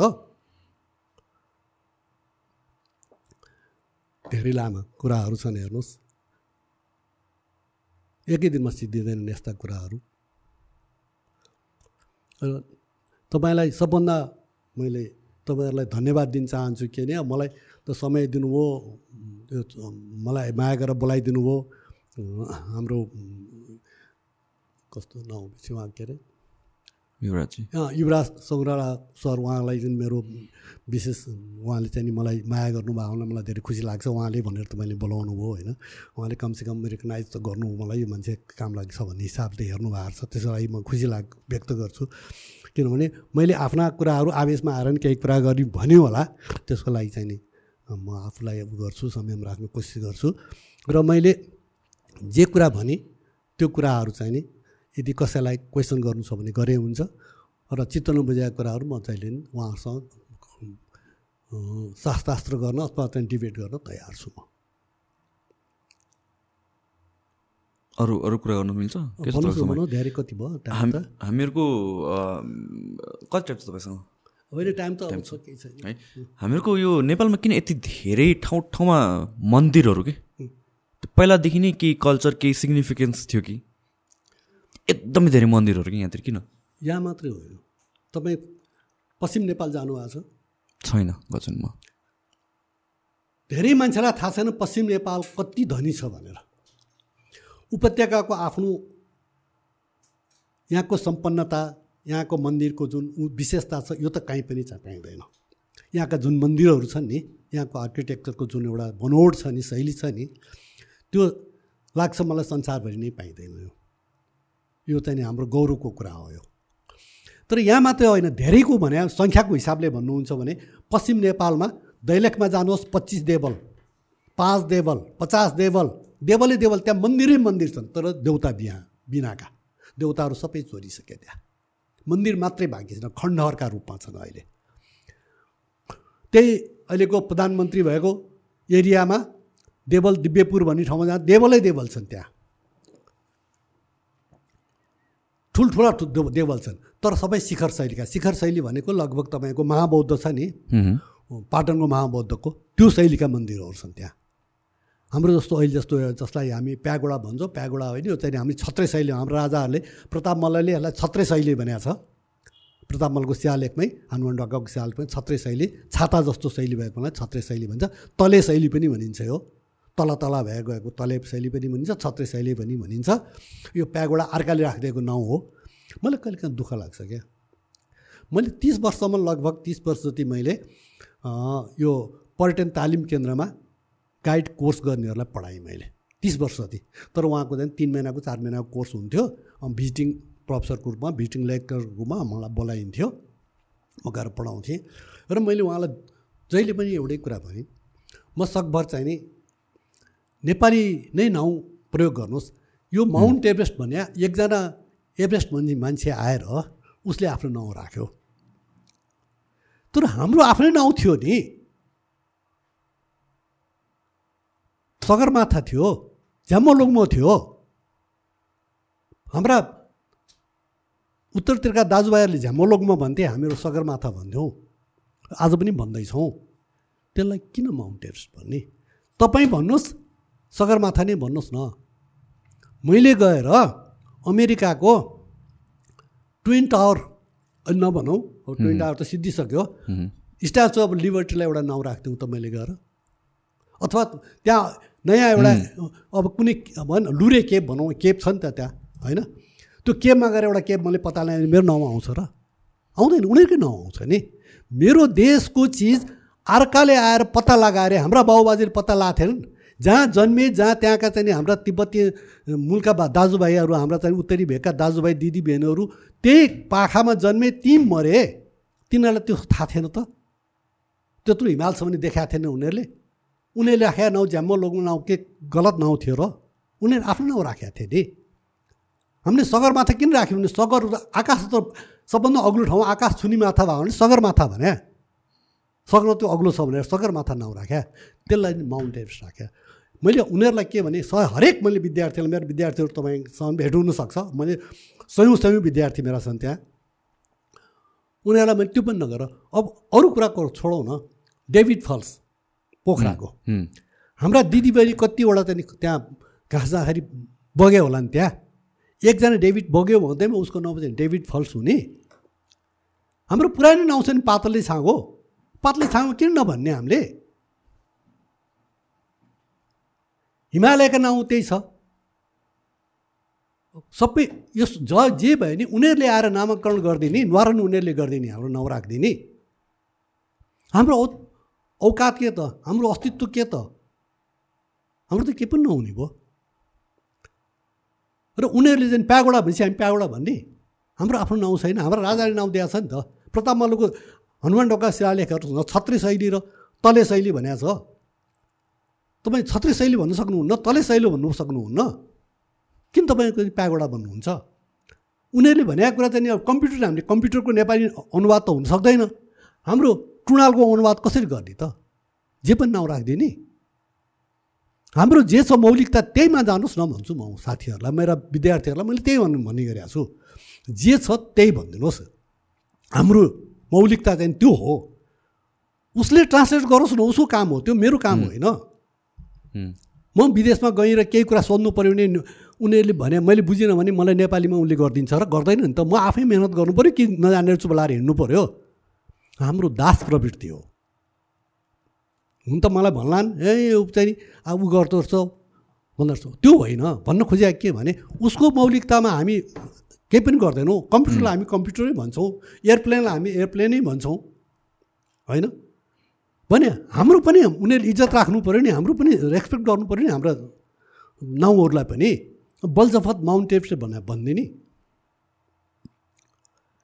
मेरो चाहिँ अनुरोध के भने हाम्रा मूर्तिहरू हाम्रा मन्दिरहरू हो त्यसको बारेमा अध्ययन गर्ने कति विद्वानहरूले अध्ययन गर्नुभएको छ उहाँ पनि मेरो नमन गर्छु म उहाँहरूलाई विदेशीहरूलाई जसले नेपालको माया गर्नुभएको छ जसले नेपालको कल्चरको बारेमा अध्ययन गर्नुभएको छ। जसले यहाँको मूर्ति र मन्दिरको बारेमा अध्ययन गर्नुभएको छ। तिनीहरूलाई नमन गर्नुपर्छ त्यस्ता मान्छेहरूलाई। तर यसलाई राजनीतिकरण गरेर यसलाई अर्कै रूपमा दिनु त्यो होइन। म टेट्रिकार्डी भन्ने मेरो गुरु म उहाँलाई नमन गर्छु। सधैँ म मेरो मैले कोठामा फोटो राखेको छु उहाँको। किनभने उहाँले केही गर्दै होइन। उहाँले नेपाललाई माया गर्नुभयो मलाई नेपालीलाई माया गर्नुभयो। नेपालको इतिहासमा चाहिँ उहाँको चाखो हो। उहाँ नभएको पुरातात्विक उत्खनन हुँदैन थियो डुमाखालमा। डुमाखालमा हामीले जुन एक्सकाभेसन गऱ्यौँ न उहाँ नभएको भए सम्भव थिएन। फन्ड कहाँबाट जुटाउने? करोड रुपियाँ लाग्ने फन्ड कसरी जुटाउन सक्छ नेपालीले? तर नेपालकै नाउँमा छाप किताब छापियो नि त हार्वर्डले छाप्यो नि त्यो किताब। हार्वर्ड छाप भने ठट्टाको कुरा होइन नि त। त्यस कारणले म भन्छु के भने जसले राम्रो काम गरिरहेको छ त्यसलाई राम्रो भन्नुपर्छ। त्यसप्रति नमन गर्नुपर्छ। जसले राम्रो काम गर्दैन त्यो पछि नि सहमति जनाउनु हुन्न। पैसाले बिक्नु हुँदैन। आफ्नो राष्ट्रियता जोगाउनु पऱ्यो हामी नेपाली हौँ भने नेपाली आज नेपाल छ र हामी नेपाली छौँ। नेपालै छैन भने त नेपाली हुँदैनौँ हामी भोलि। हामी कहाँ कहाँ हुन्छौँ त? कहीँ कहीँ नै हुँदैनौँ। नेपाल छैन भने त हामी कहीँ पनि कहीँ कहाँ पनि हुँदैनौँ। न हामीलाई अमेरिकनले अमेरिकन भन्छ। न ब्रिटिसले ब्रिटिस भन्छ न इन्डियनले इन्डियन भन्छ। हामी त कोही कहीँ नै हुँदैनौँ त। हामी नेपालैका हौँ र नेपाली नै हुनु पऱ्यो हामी। त्यस्तो लाग्छ मलाई। एउटा शङ्करदर साखुवा भन्ने एकजना मान्छेको बारेमा चाहिँ कथा छ। उहाँले चाहिँ सुन निकालिदिनु हुन्थ्यो अरे। ए सुन्नुहोस्। अब एउटा एउटा कथा के भने अब कतिपय कुराहरू हामी कहाँ एक प्रकारको विश्वास गर्न नसकिने कुरा जसलाई प्रमाणित गर्न सकिँदैन ती कुरामा पनि हामी लाग्छौँ क्या कहिलेकाहीँ। नेपाल सम्मतको कुरा आउँछ यसमा। नेपाल सम्मत कहिलेदेखि सुरु भयो भने इस्वी सम्मत आठ सय असीदेखि आठ सय उनासीदेखि नेपाल सम्मत एक हुन्छ। इस्वी सम्मत आठ सय उनासीमा ने नेपाल सम्मत एक हुन्छ। नेपाल सम्मत किन फेर्नु पऱ्यो भन्ने कुरा एउटा छ किनभने त्यो बेला सकसम्मत आठ सय पुग्यो। आठ सय पुगिसक्यो आठ सय एक भएपछि यहाँ अनिकाल धेरै पऱ्यो महामारी भयो के के रोगहरू लाग्यो लागिसकेपछि मान्छेहरूलाई अब किन हो भने यो कसै कसैले भन्दै अब त्यो भन्छ नि अब केही भइदियो। त्यो भएपछि चाहिँ त्यसैमा मान्छे बग्छ नि। अब अनिकाल पनि भयो अनावृष्टि भयो पानी पनि परेन यताउति भएपछि ए यो आठ शब्द त हाम्रो अपसगुन शब्द हो नि त। यो आएको हुनाले चाहिँ यस्तो भए हो। भने हामी पहिले त सकसम्मतै प्रयोग गर्थ्यौँ। हामी विक्रमसम्म त धेरै पछि प्रयोग गर्न थाल्यो हामीले सकसम्मतै प्रयोग गर्थ्यौँ। है त्यो सकसम्मत प्रयोग गर्ने भए आठ सय त नराम्रो हो भनेपछि अब आठ सय दुई आठ सय तिन गर्दा सय वर्षमा आठ आठ त अघितिर आउने भयो नि। ल यसलाई चाहिँ यसलाई चेन्ज गरेनौँ भने हामी त खत्तम हुन्छौँ हाम्रो त अनिकाल पर्छ हामी यसरी मान्छे धेरै मर्छौँ भने एक थरी चाहिँ धर्मभिरुहरू हुन्छ नि। अब त्यसै उ लगाइदिने आफूलाई गर्ने मान्छे भनेपछि त्यो बेलाको शासक वर्गले त्यसलाई स्वीकार गर्यो मान्यो हो भन्ने जनताले त्यो बेलाको जनता जनता विश्वास गरे।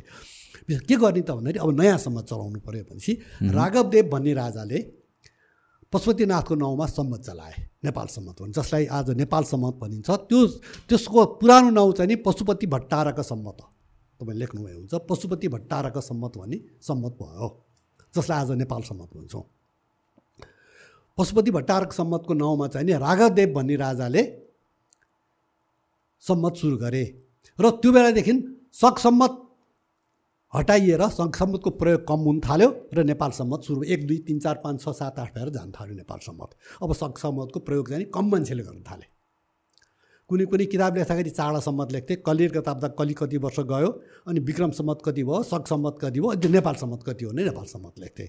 है? त्यसरी ग्रन्थहरू लेखेर त्यसरी लेखिन थाल्यो। र नेपालसम्म चाहिँ त्यो बेलाका उपत्यकामा बस्नेहरूले चाहिँ सबै नेपाल सम्मत प्रयोग गर्न थाले। अब त्यो सम्मत त्यसपछि आएर त्यो केही काल बस्यो त्यो पशुपति भट्टारक सम्मत यति लामो भयो। मान्छेले लेख्दा नि केही लेख्नु पऱ्यो नि पशुपति भट्टारक सम्मत साह्रै झन्झटेल्या भयो त्यो होइन? त्यसपछि त्यसो नगर्ने भनेर सम्मत मात्रै लेख्न थाल्यो त्यसपछि। सम्मत मात्रै लेख्न थाल्यो। अनि पछि आएपछि के भने अब यो नेपाल मण्डल जब ऊ भयो अनि त्यहाँबाट अब त्यसरी नेपाल सम्मत लेखौँ भनेर अनि त्यसलाई नेपाल सम्मतै लेख्यो। नेपाल सम्मत लेख्यो त्यो बिस्तारै गइरहेको थियो। अब त्यसमा चाहिने मान्छेले अब नेपाल सम्मत कसले चलायो भन्ने कुरा त पछिका मान्छेहरूलाई उ भयो नि। अब त्यहाँ शङ्खधरको कथा आयो। शङ्खधर साख्वा भन्ने एकजना मान्छे असनका मान्छे थिए। त्यो बेला चाहिँ के हो भने अब नेपालमा चाहिँ नि अब भक्त राजा राज्य भक्तपुरमा थियो। भक्तपुरमा राजाले चाहिँ नि एउटा ज्योतिषलाई देखायो अनि त्यहाँबाट ज्योतिषले हेर्दाखेरि ओहो फलाउँ वर्ष त अब अब आउने वर्ष त यस्तो राम्रो दिन छ एक दिन। त्यो बा विष्णुमती र बागमतीको दोभानको बालुवा यो समयमा यो टाइममा झिकेर ल्यायो भने त्यो सुन हुन्छ।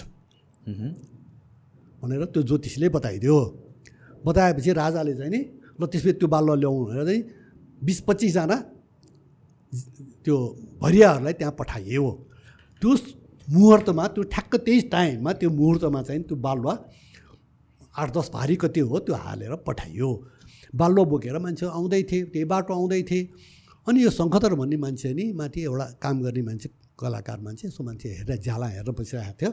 अनि उसले सोध्यो के गरे यो बालुवा कहाँ लान्ला भने भक्तपुर लान्ला किन लाग्ला खोइ राजाले ल्याउनु भनेको छ।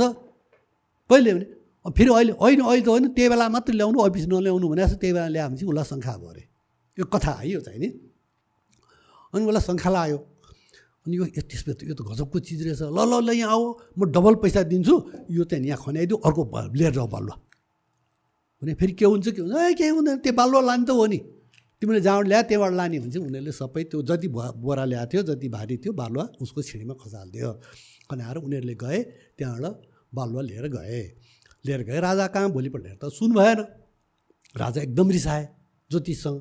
ज्योतिषलाई ल्याए ज्योतिषलाई के हो यो सुनै भएन के हो यो भन्दाखेरि मेरो अब यस्तो सुन्न भए त मैले मेरो ग्रन्थ त जलाइदिनु पऱ्यो मैले पढाए त अधुरो भएछ। भनी लगाएर त्यही पनि हेर्दाखेरि त्यो बोरामा अलिअलि त्यो डोका अथवा केमा लगाएर त्यहाँ अलिअलि सुनका कणहरू देखियो। ए सुनको कणहरू देखियो यहाँ त। न त सुन कसरी आउँथ्यो त्यहाँ? सुनका कणहरू कसरी देखियो त? बालुवाहरू पुरै छ बिचमा अलिअलि सुन आयो आयो त्यहाँ किन त्यही बोरामा त्यही भाँडोमा ल्यायो भने त सुन त रह्यो बाँकी होइन यतापट्टि चाहिँ नि असलमा भएको चाहिँ शङ्खतर भन्ने चाहिँ उसमा भरि सुनै सुन भयो उसको। सुनै सुन भएपछि उसले त्यो सुन बेचेर त्यो सुन लिएर सबैलाई अरिणी बनाएर नेपालसम्म सुरु गरेर शङ्खतर सम्बत चलाए भन्ने कथा छ यो। अब यो कथा चाहिँ नि यो भाव हुनाले शङ्खतर भन्नेको नाउँ पनि काल्पनिक हो। काहीँ पनि उल्लेख छैन होइन? अब त्यो शङ्ख लिएको एउटाको मूर्ति बनाएको छ त्यो शङ्ख लिएको मूर्ति तपाईँ हेर्नुहुन्छ भने हाम्रो धाराको तल शङ्ख लिएर बसेका मान्छे तपाईँ देख्नुहुन्छ कति ठाउँमा मूर्तिहरू देखिन्छ। त्यो चाहिँ भैरथ भनिन्छ त्यो मूर्तिलाई। त्यसले शङ्खधरको कथा यो हो तर रियालिटी के हो भने पशुपति भट्टारकको नाउँमा सम्म चलाइयो र त्यो राघवदेव भन्ने राजाले चलाएको सम्म त्यो त्यो केशर पुस्तकालयमा भएको केशर वंशावलीमा त्यो कुरा स्पष्ट लेखेको छ। त्यही बेला किताब हो पहिलेको पुरानो किताब हो त्यसमा लेखेको छ। र राघवदेव भन्ने राजाले चलाएको नेपाल सम्मत हो र शङ्खधरको चाहिँ कथा यो हो। त्यो चाहिँ फिक्सन हो त्यो? फिक्सन हो त्यो। र त्यसमा चाहिँ अब ठिक छ एउटा कुनै सिम्बलिक रूपमा राख्नु त्यो केही फरक पर्दैन होइन? तर के भने रियालिटी चाहिँ नि हो। त्यो इतिहास प्रसिद्धमा मैले मात्रै होइन इतिहासका राम्रा विद्यार्थीलाई इतिहासकारलाई सोध्नु पनि सबैले एक कुरा भन्दैछ तपाईँलाई। हामीहरूको जुन कल्चर छ जुन हामीहरूको भनौँ न धेरै जस्तो ट्रेडिसनहरू इन्डियासँग धेरै जस्तो मिल्न जान्छ होइन? चाइनासँग हाम्रो रिलेसन कहिलेबाट कति पुरानो हो? भ्रिकुटीको बिहा भएको त्यो चाहिँ हामीले पढ्छौँ। त्यो हो कि इन्सेप्सन त्योभन्दा अगाडि के थियो? अब हेर्नुहोस्। अब चाइना र नेपाल र इन्डिया र नेपालको नेपालको मैले अघि नै भने हजुर। हाम्रो दुई प्रकारको बोर्डर हुन्छ। सिमाना छ। एउटा चाहिँ नि भौगोलिक सिमाना एउटा सांस्कृतिक सिमाना। भारतसँग हाम्रो सांस्कृतिक सिमाना यस्तै छ कि तपाईँ छुट्याउनै सक्नुहुन्न। महाभारत त्यही पुराण त्यही हो। वेद त्यही हो। होइन? अनि देउता त्यही हामी बद्री केदार जगन्नाथजी जान्छौँ उनीहरू पशुपति आउँछन् अरू देउताको उसमा गर्छन् सबै ठाउँ त्यही। शालिग्राम जान्छन् उहाँ होइन? सबै एउटै हो। त्यो चाहिँ सांस्कृतिक परिवेशले चाहिँ तपाईँलाई छुट्याउन सक्दैन। एउटै परिवेशभित्र हामी छौँ। त्यस कारणले भारतसँगको हाम्रो सम्बन्ध भारत भनेको इन्डियासँग भनौँ न इन्डियासँगको सम्बन्ध हाम्रो यसरी रह्यो। पहिलेदेखि नै। किनभने धर्म संस्कृति एउटै हो। इतिहास पनि पुरानो खालका चाहिँ नि पौराणिक इतिहास नै हुन् पुराण नै हुन्। भौगोलिक इतिहास होइन पौराणिक इतिहास भन्दैछु पौराणिक इतिहास त्यही नै हुन्। कथाहरू त्यही नै हुन्। संस्कार त्यही हो। उनीहरू पनि व्रतबन्ध गर्छन् हामी पनि व्रत उनीहरूको बिहा गर्ने चलन र हाम्रो बिहा गर्ने चलन उस्तै छ। सामान्य फरक होला। होइन उनीहरू पनि जलाउँछन् हामी पनि जलाउँछौँ मरेपछि। हाम्रा स्वर संस्कार एकै प्रकारका छन् भने सांस्कृतिक परिवेशले चाहिँ फरक पारेको छैन। हामी एउटै छौँ। त्यस कारणले हाम्रा दुईवटा कुरा त्यस कारणले हाम्रो रोटी बेटीका कुराहरू हुन्छ त्यही हो। उनीहरूले हाम्रा मल्ल राजाहरूले यहाँ कोही पनि यहाँको छोरी बिहा गरेर नै सबै उताबाट झिकाएको त हो नि। कोही महाराष्ट्रबाट झिकाए कोही मिथिलाबाट झिकाएर डोला झिकाएर बिहा गर्थे नि। राजाहरूले यहाँको कुनै केटी बिहा गरेनन्। यहाँको बिहा गरे त ल्याइतेपट्टिका मात्रै हुन्थे ब्याइते त उताबाट आउँथे सबै। त्यस कारणले यहाँबाट नि हाम्रो राजाहरूले आफ्नो छोरीहरू उतै पठाउँथ्यो उतै बिहा हुन्थ्यो। अस्ति त्रिभुवनले सुधा आफ्नो छोरीहरू उतै बिहा गरेका छ।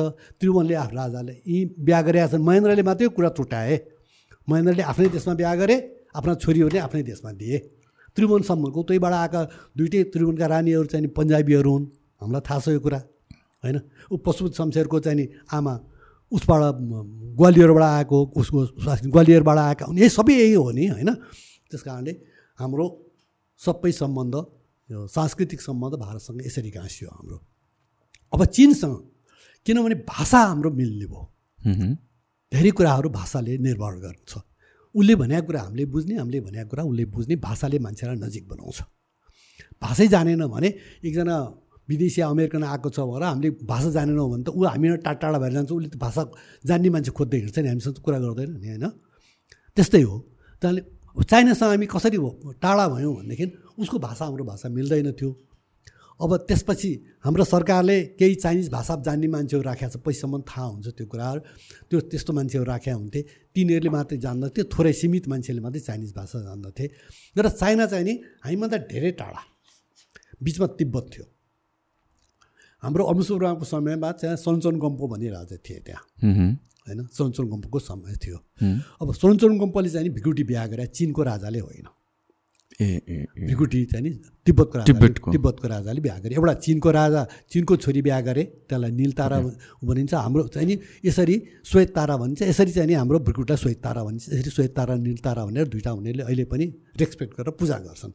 हाम्रो भिकुटी चाहिँ नि सोनचोङको बिहा गरे हो। चिनले होइन। तिब्बत पछि मात्रै हामी चिनसँग सम्बन्ध रह्यो हाम्रो। पहिले त हाम्रो तिब्बतै हो जोडिएको सिमाना तिब्बतै हो चिन त धेरै टाढा हो नि। त्यो बिहा गर्नु नै एउटा मेजर इभेन्ट हो। अब कस्तो छ भने रिलेसनसिपमा दुइटा कन्ट्रीको बिचमा। अब कस्तो चाहिँ बिहा गर्दाखेरि दुइटा कुरा भनिन्छ। एउटा कुरा बिहा गर्ने भने दुइटा एउटा चाहिँ नि बलियो राजाले कमजोर राजाको छोरी बिहा गर्थे। होइन? कम किनभने आफू सुरक्षित हुनलाई उसले बिहा गरेर दिन्थ्यो। तर भ्रिकुटीको एउटा समस्या छ। भ्रिकुटी कसकी छोरी हुनु भने अंशु वर्माको छोरी भनेर काहीँ पनि लेख्या छैन। अब यो सिल्वन लेबीले के ल्याएको छ? गोचा भनेको छ गोचाकी छोरी भनेको छ। अंशु वर्मालाई गोचा त भनिँदैन। त्यस कारणले कुनै भारदारकी छोरीहरू बिहा गरे हुन्छ त्यससँग सबभन्दा एउटा इन्ट्रेस्टिङ एउटा कथा छ। म चाङु नारायणको रिसर्च गर्दै थिएँ। चामुण्डा कृषक राहट एउटा त्यहाँ चाहिँ नि एकजना मान्छेले मलाई के भने भने मैले मेरो किताबमा पनि त्यो मेन्सन गरिदिएको छु। त्यहाँ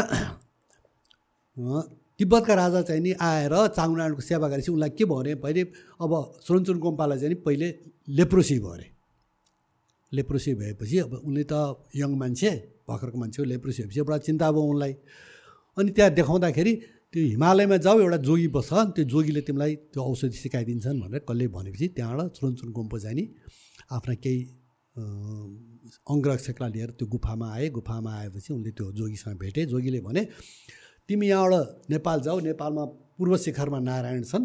त्यहाँ गएर त्यहाँको जल सेचन गर र त्यो जल खाऊ। त्यसरी तिमीलाई निको हुन्छ यो। र त्यसपछि तिम्रो उन्नति पनि हुन्छ। र त्यहाँ तिमीले बिहा पनि गर्न सक्छौ। तिमी जाऊ भनेर भने। अब यो कथा है। यो अब कति रियालिटी छ मलाई थाहा छैन यसमा। भनेपछि उनी त्यहाँबाट यहाँ आए।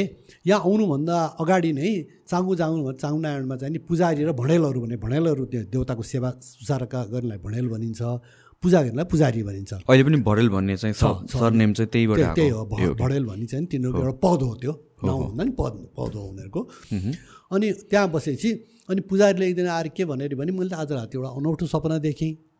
भने कस्तो सपना देखेँ? भने ल एउटा चाहिँ नि त्यो लामा जस्तो भेषमा एकजना मान्छे आउँछ उसले गर्भगृहको जल माग्छ त्यसलाई चाहिँ तिमीले दे हुन्छ भन्ने चाहिँ सपना देखेँ भनेर भन्यो ए हो र त्यस्तो नि हो र भने अँ भन्दै। त्यसै भोलिपल्ट फेरि भणेलहरूले पनि त्यस्तै सपना देखे। यस्तो सपना देख्यौँ। भनेर भन्दै थिएँ पर्सिपल्ट चाहिँ नि तिन चारजना मान्छेहरू त्यो एकजना मान्छे पुग्यो। त्यस्तै रूप जस्तो अब सपनामा उसले देखाएको थियो त्यस्तै मान्छे भयो। गएपछि अनि मलाई ग्रह गर्भगृहको जल दियो भने गर्भगृह त अहिलेसम्म खोल्या छैन। हामीले खोलेकै हेरेकै छैन गर्भगृह।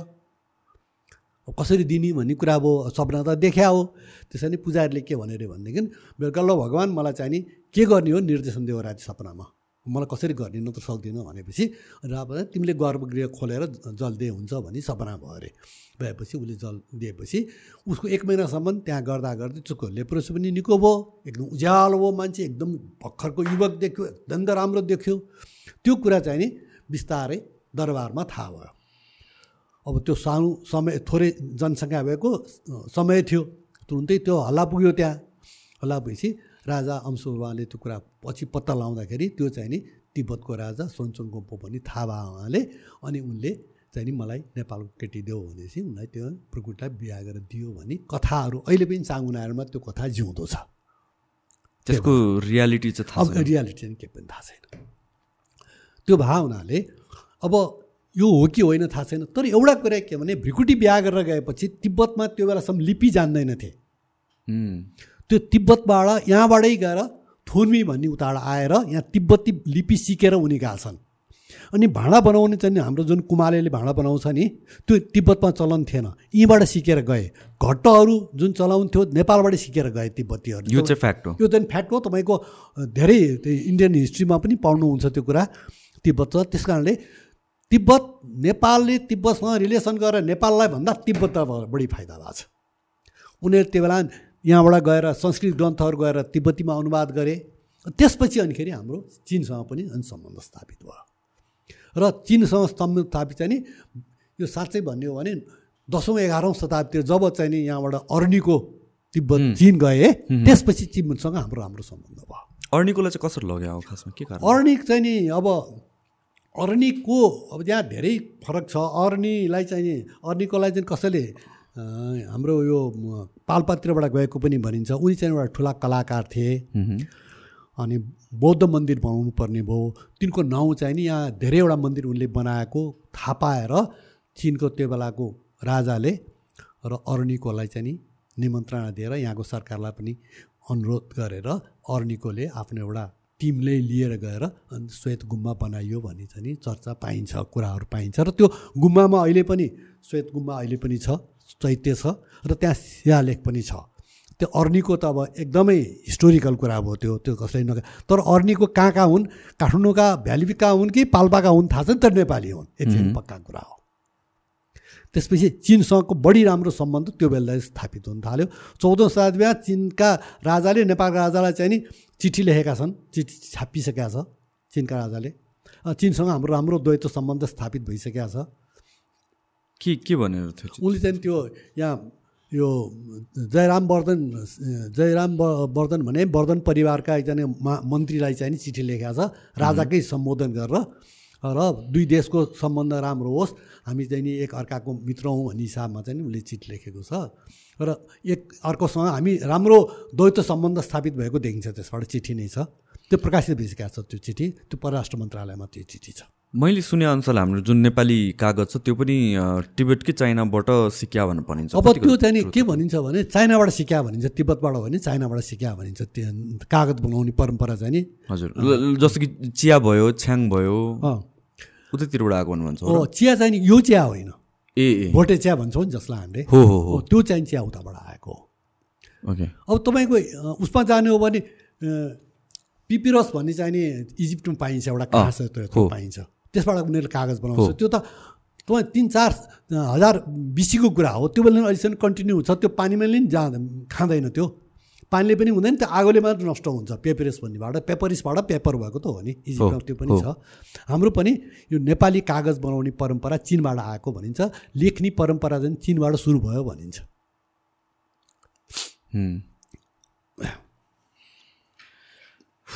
ओके। मैले केही छुट्याएको छु त मैले सोध्नुपर्नेहरू त मेरो हिसाबले सोधेँ। मैले केही छुट्याउन नहुने कुरा केही छ हिस्ट्रीसँग रिलेटेड अब मैले तपाईँले सोधेपछि मात्रै भन्न सक्छु मलाई त थाहा नै हुँदैन। मलाई थाहा भएको जति त मैले त सोधेँ जस्तो लाग्यो। धेरै नै कुराहरू थाहा पाएँ मैले त।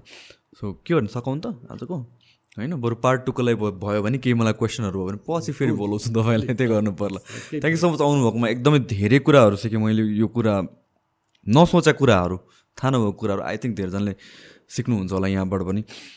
केही एउटा मेसेज छ भने चाहिँ दिनुभयो हुन्छ तपाईँले अडियन्सको लागि चाहिँ? होइन मैले पहिले त यहाँलाई धन्यवाद दिनु पऱ्यो र हाम्रो फेरि बिर्सिनु युवराज युवराज सङ्ग्रहलाई यसलाई उहाँलाई विशेष धन्यवाद दिन्छु। उहाँले भनेर नि तपाईँले कहाँ आउनुभयो है? उहाँले नभने मलाई थाहा हुँदैन तपाईँलाई थाहा हुँदैन थियो।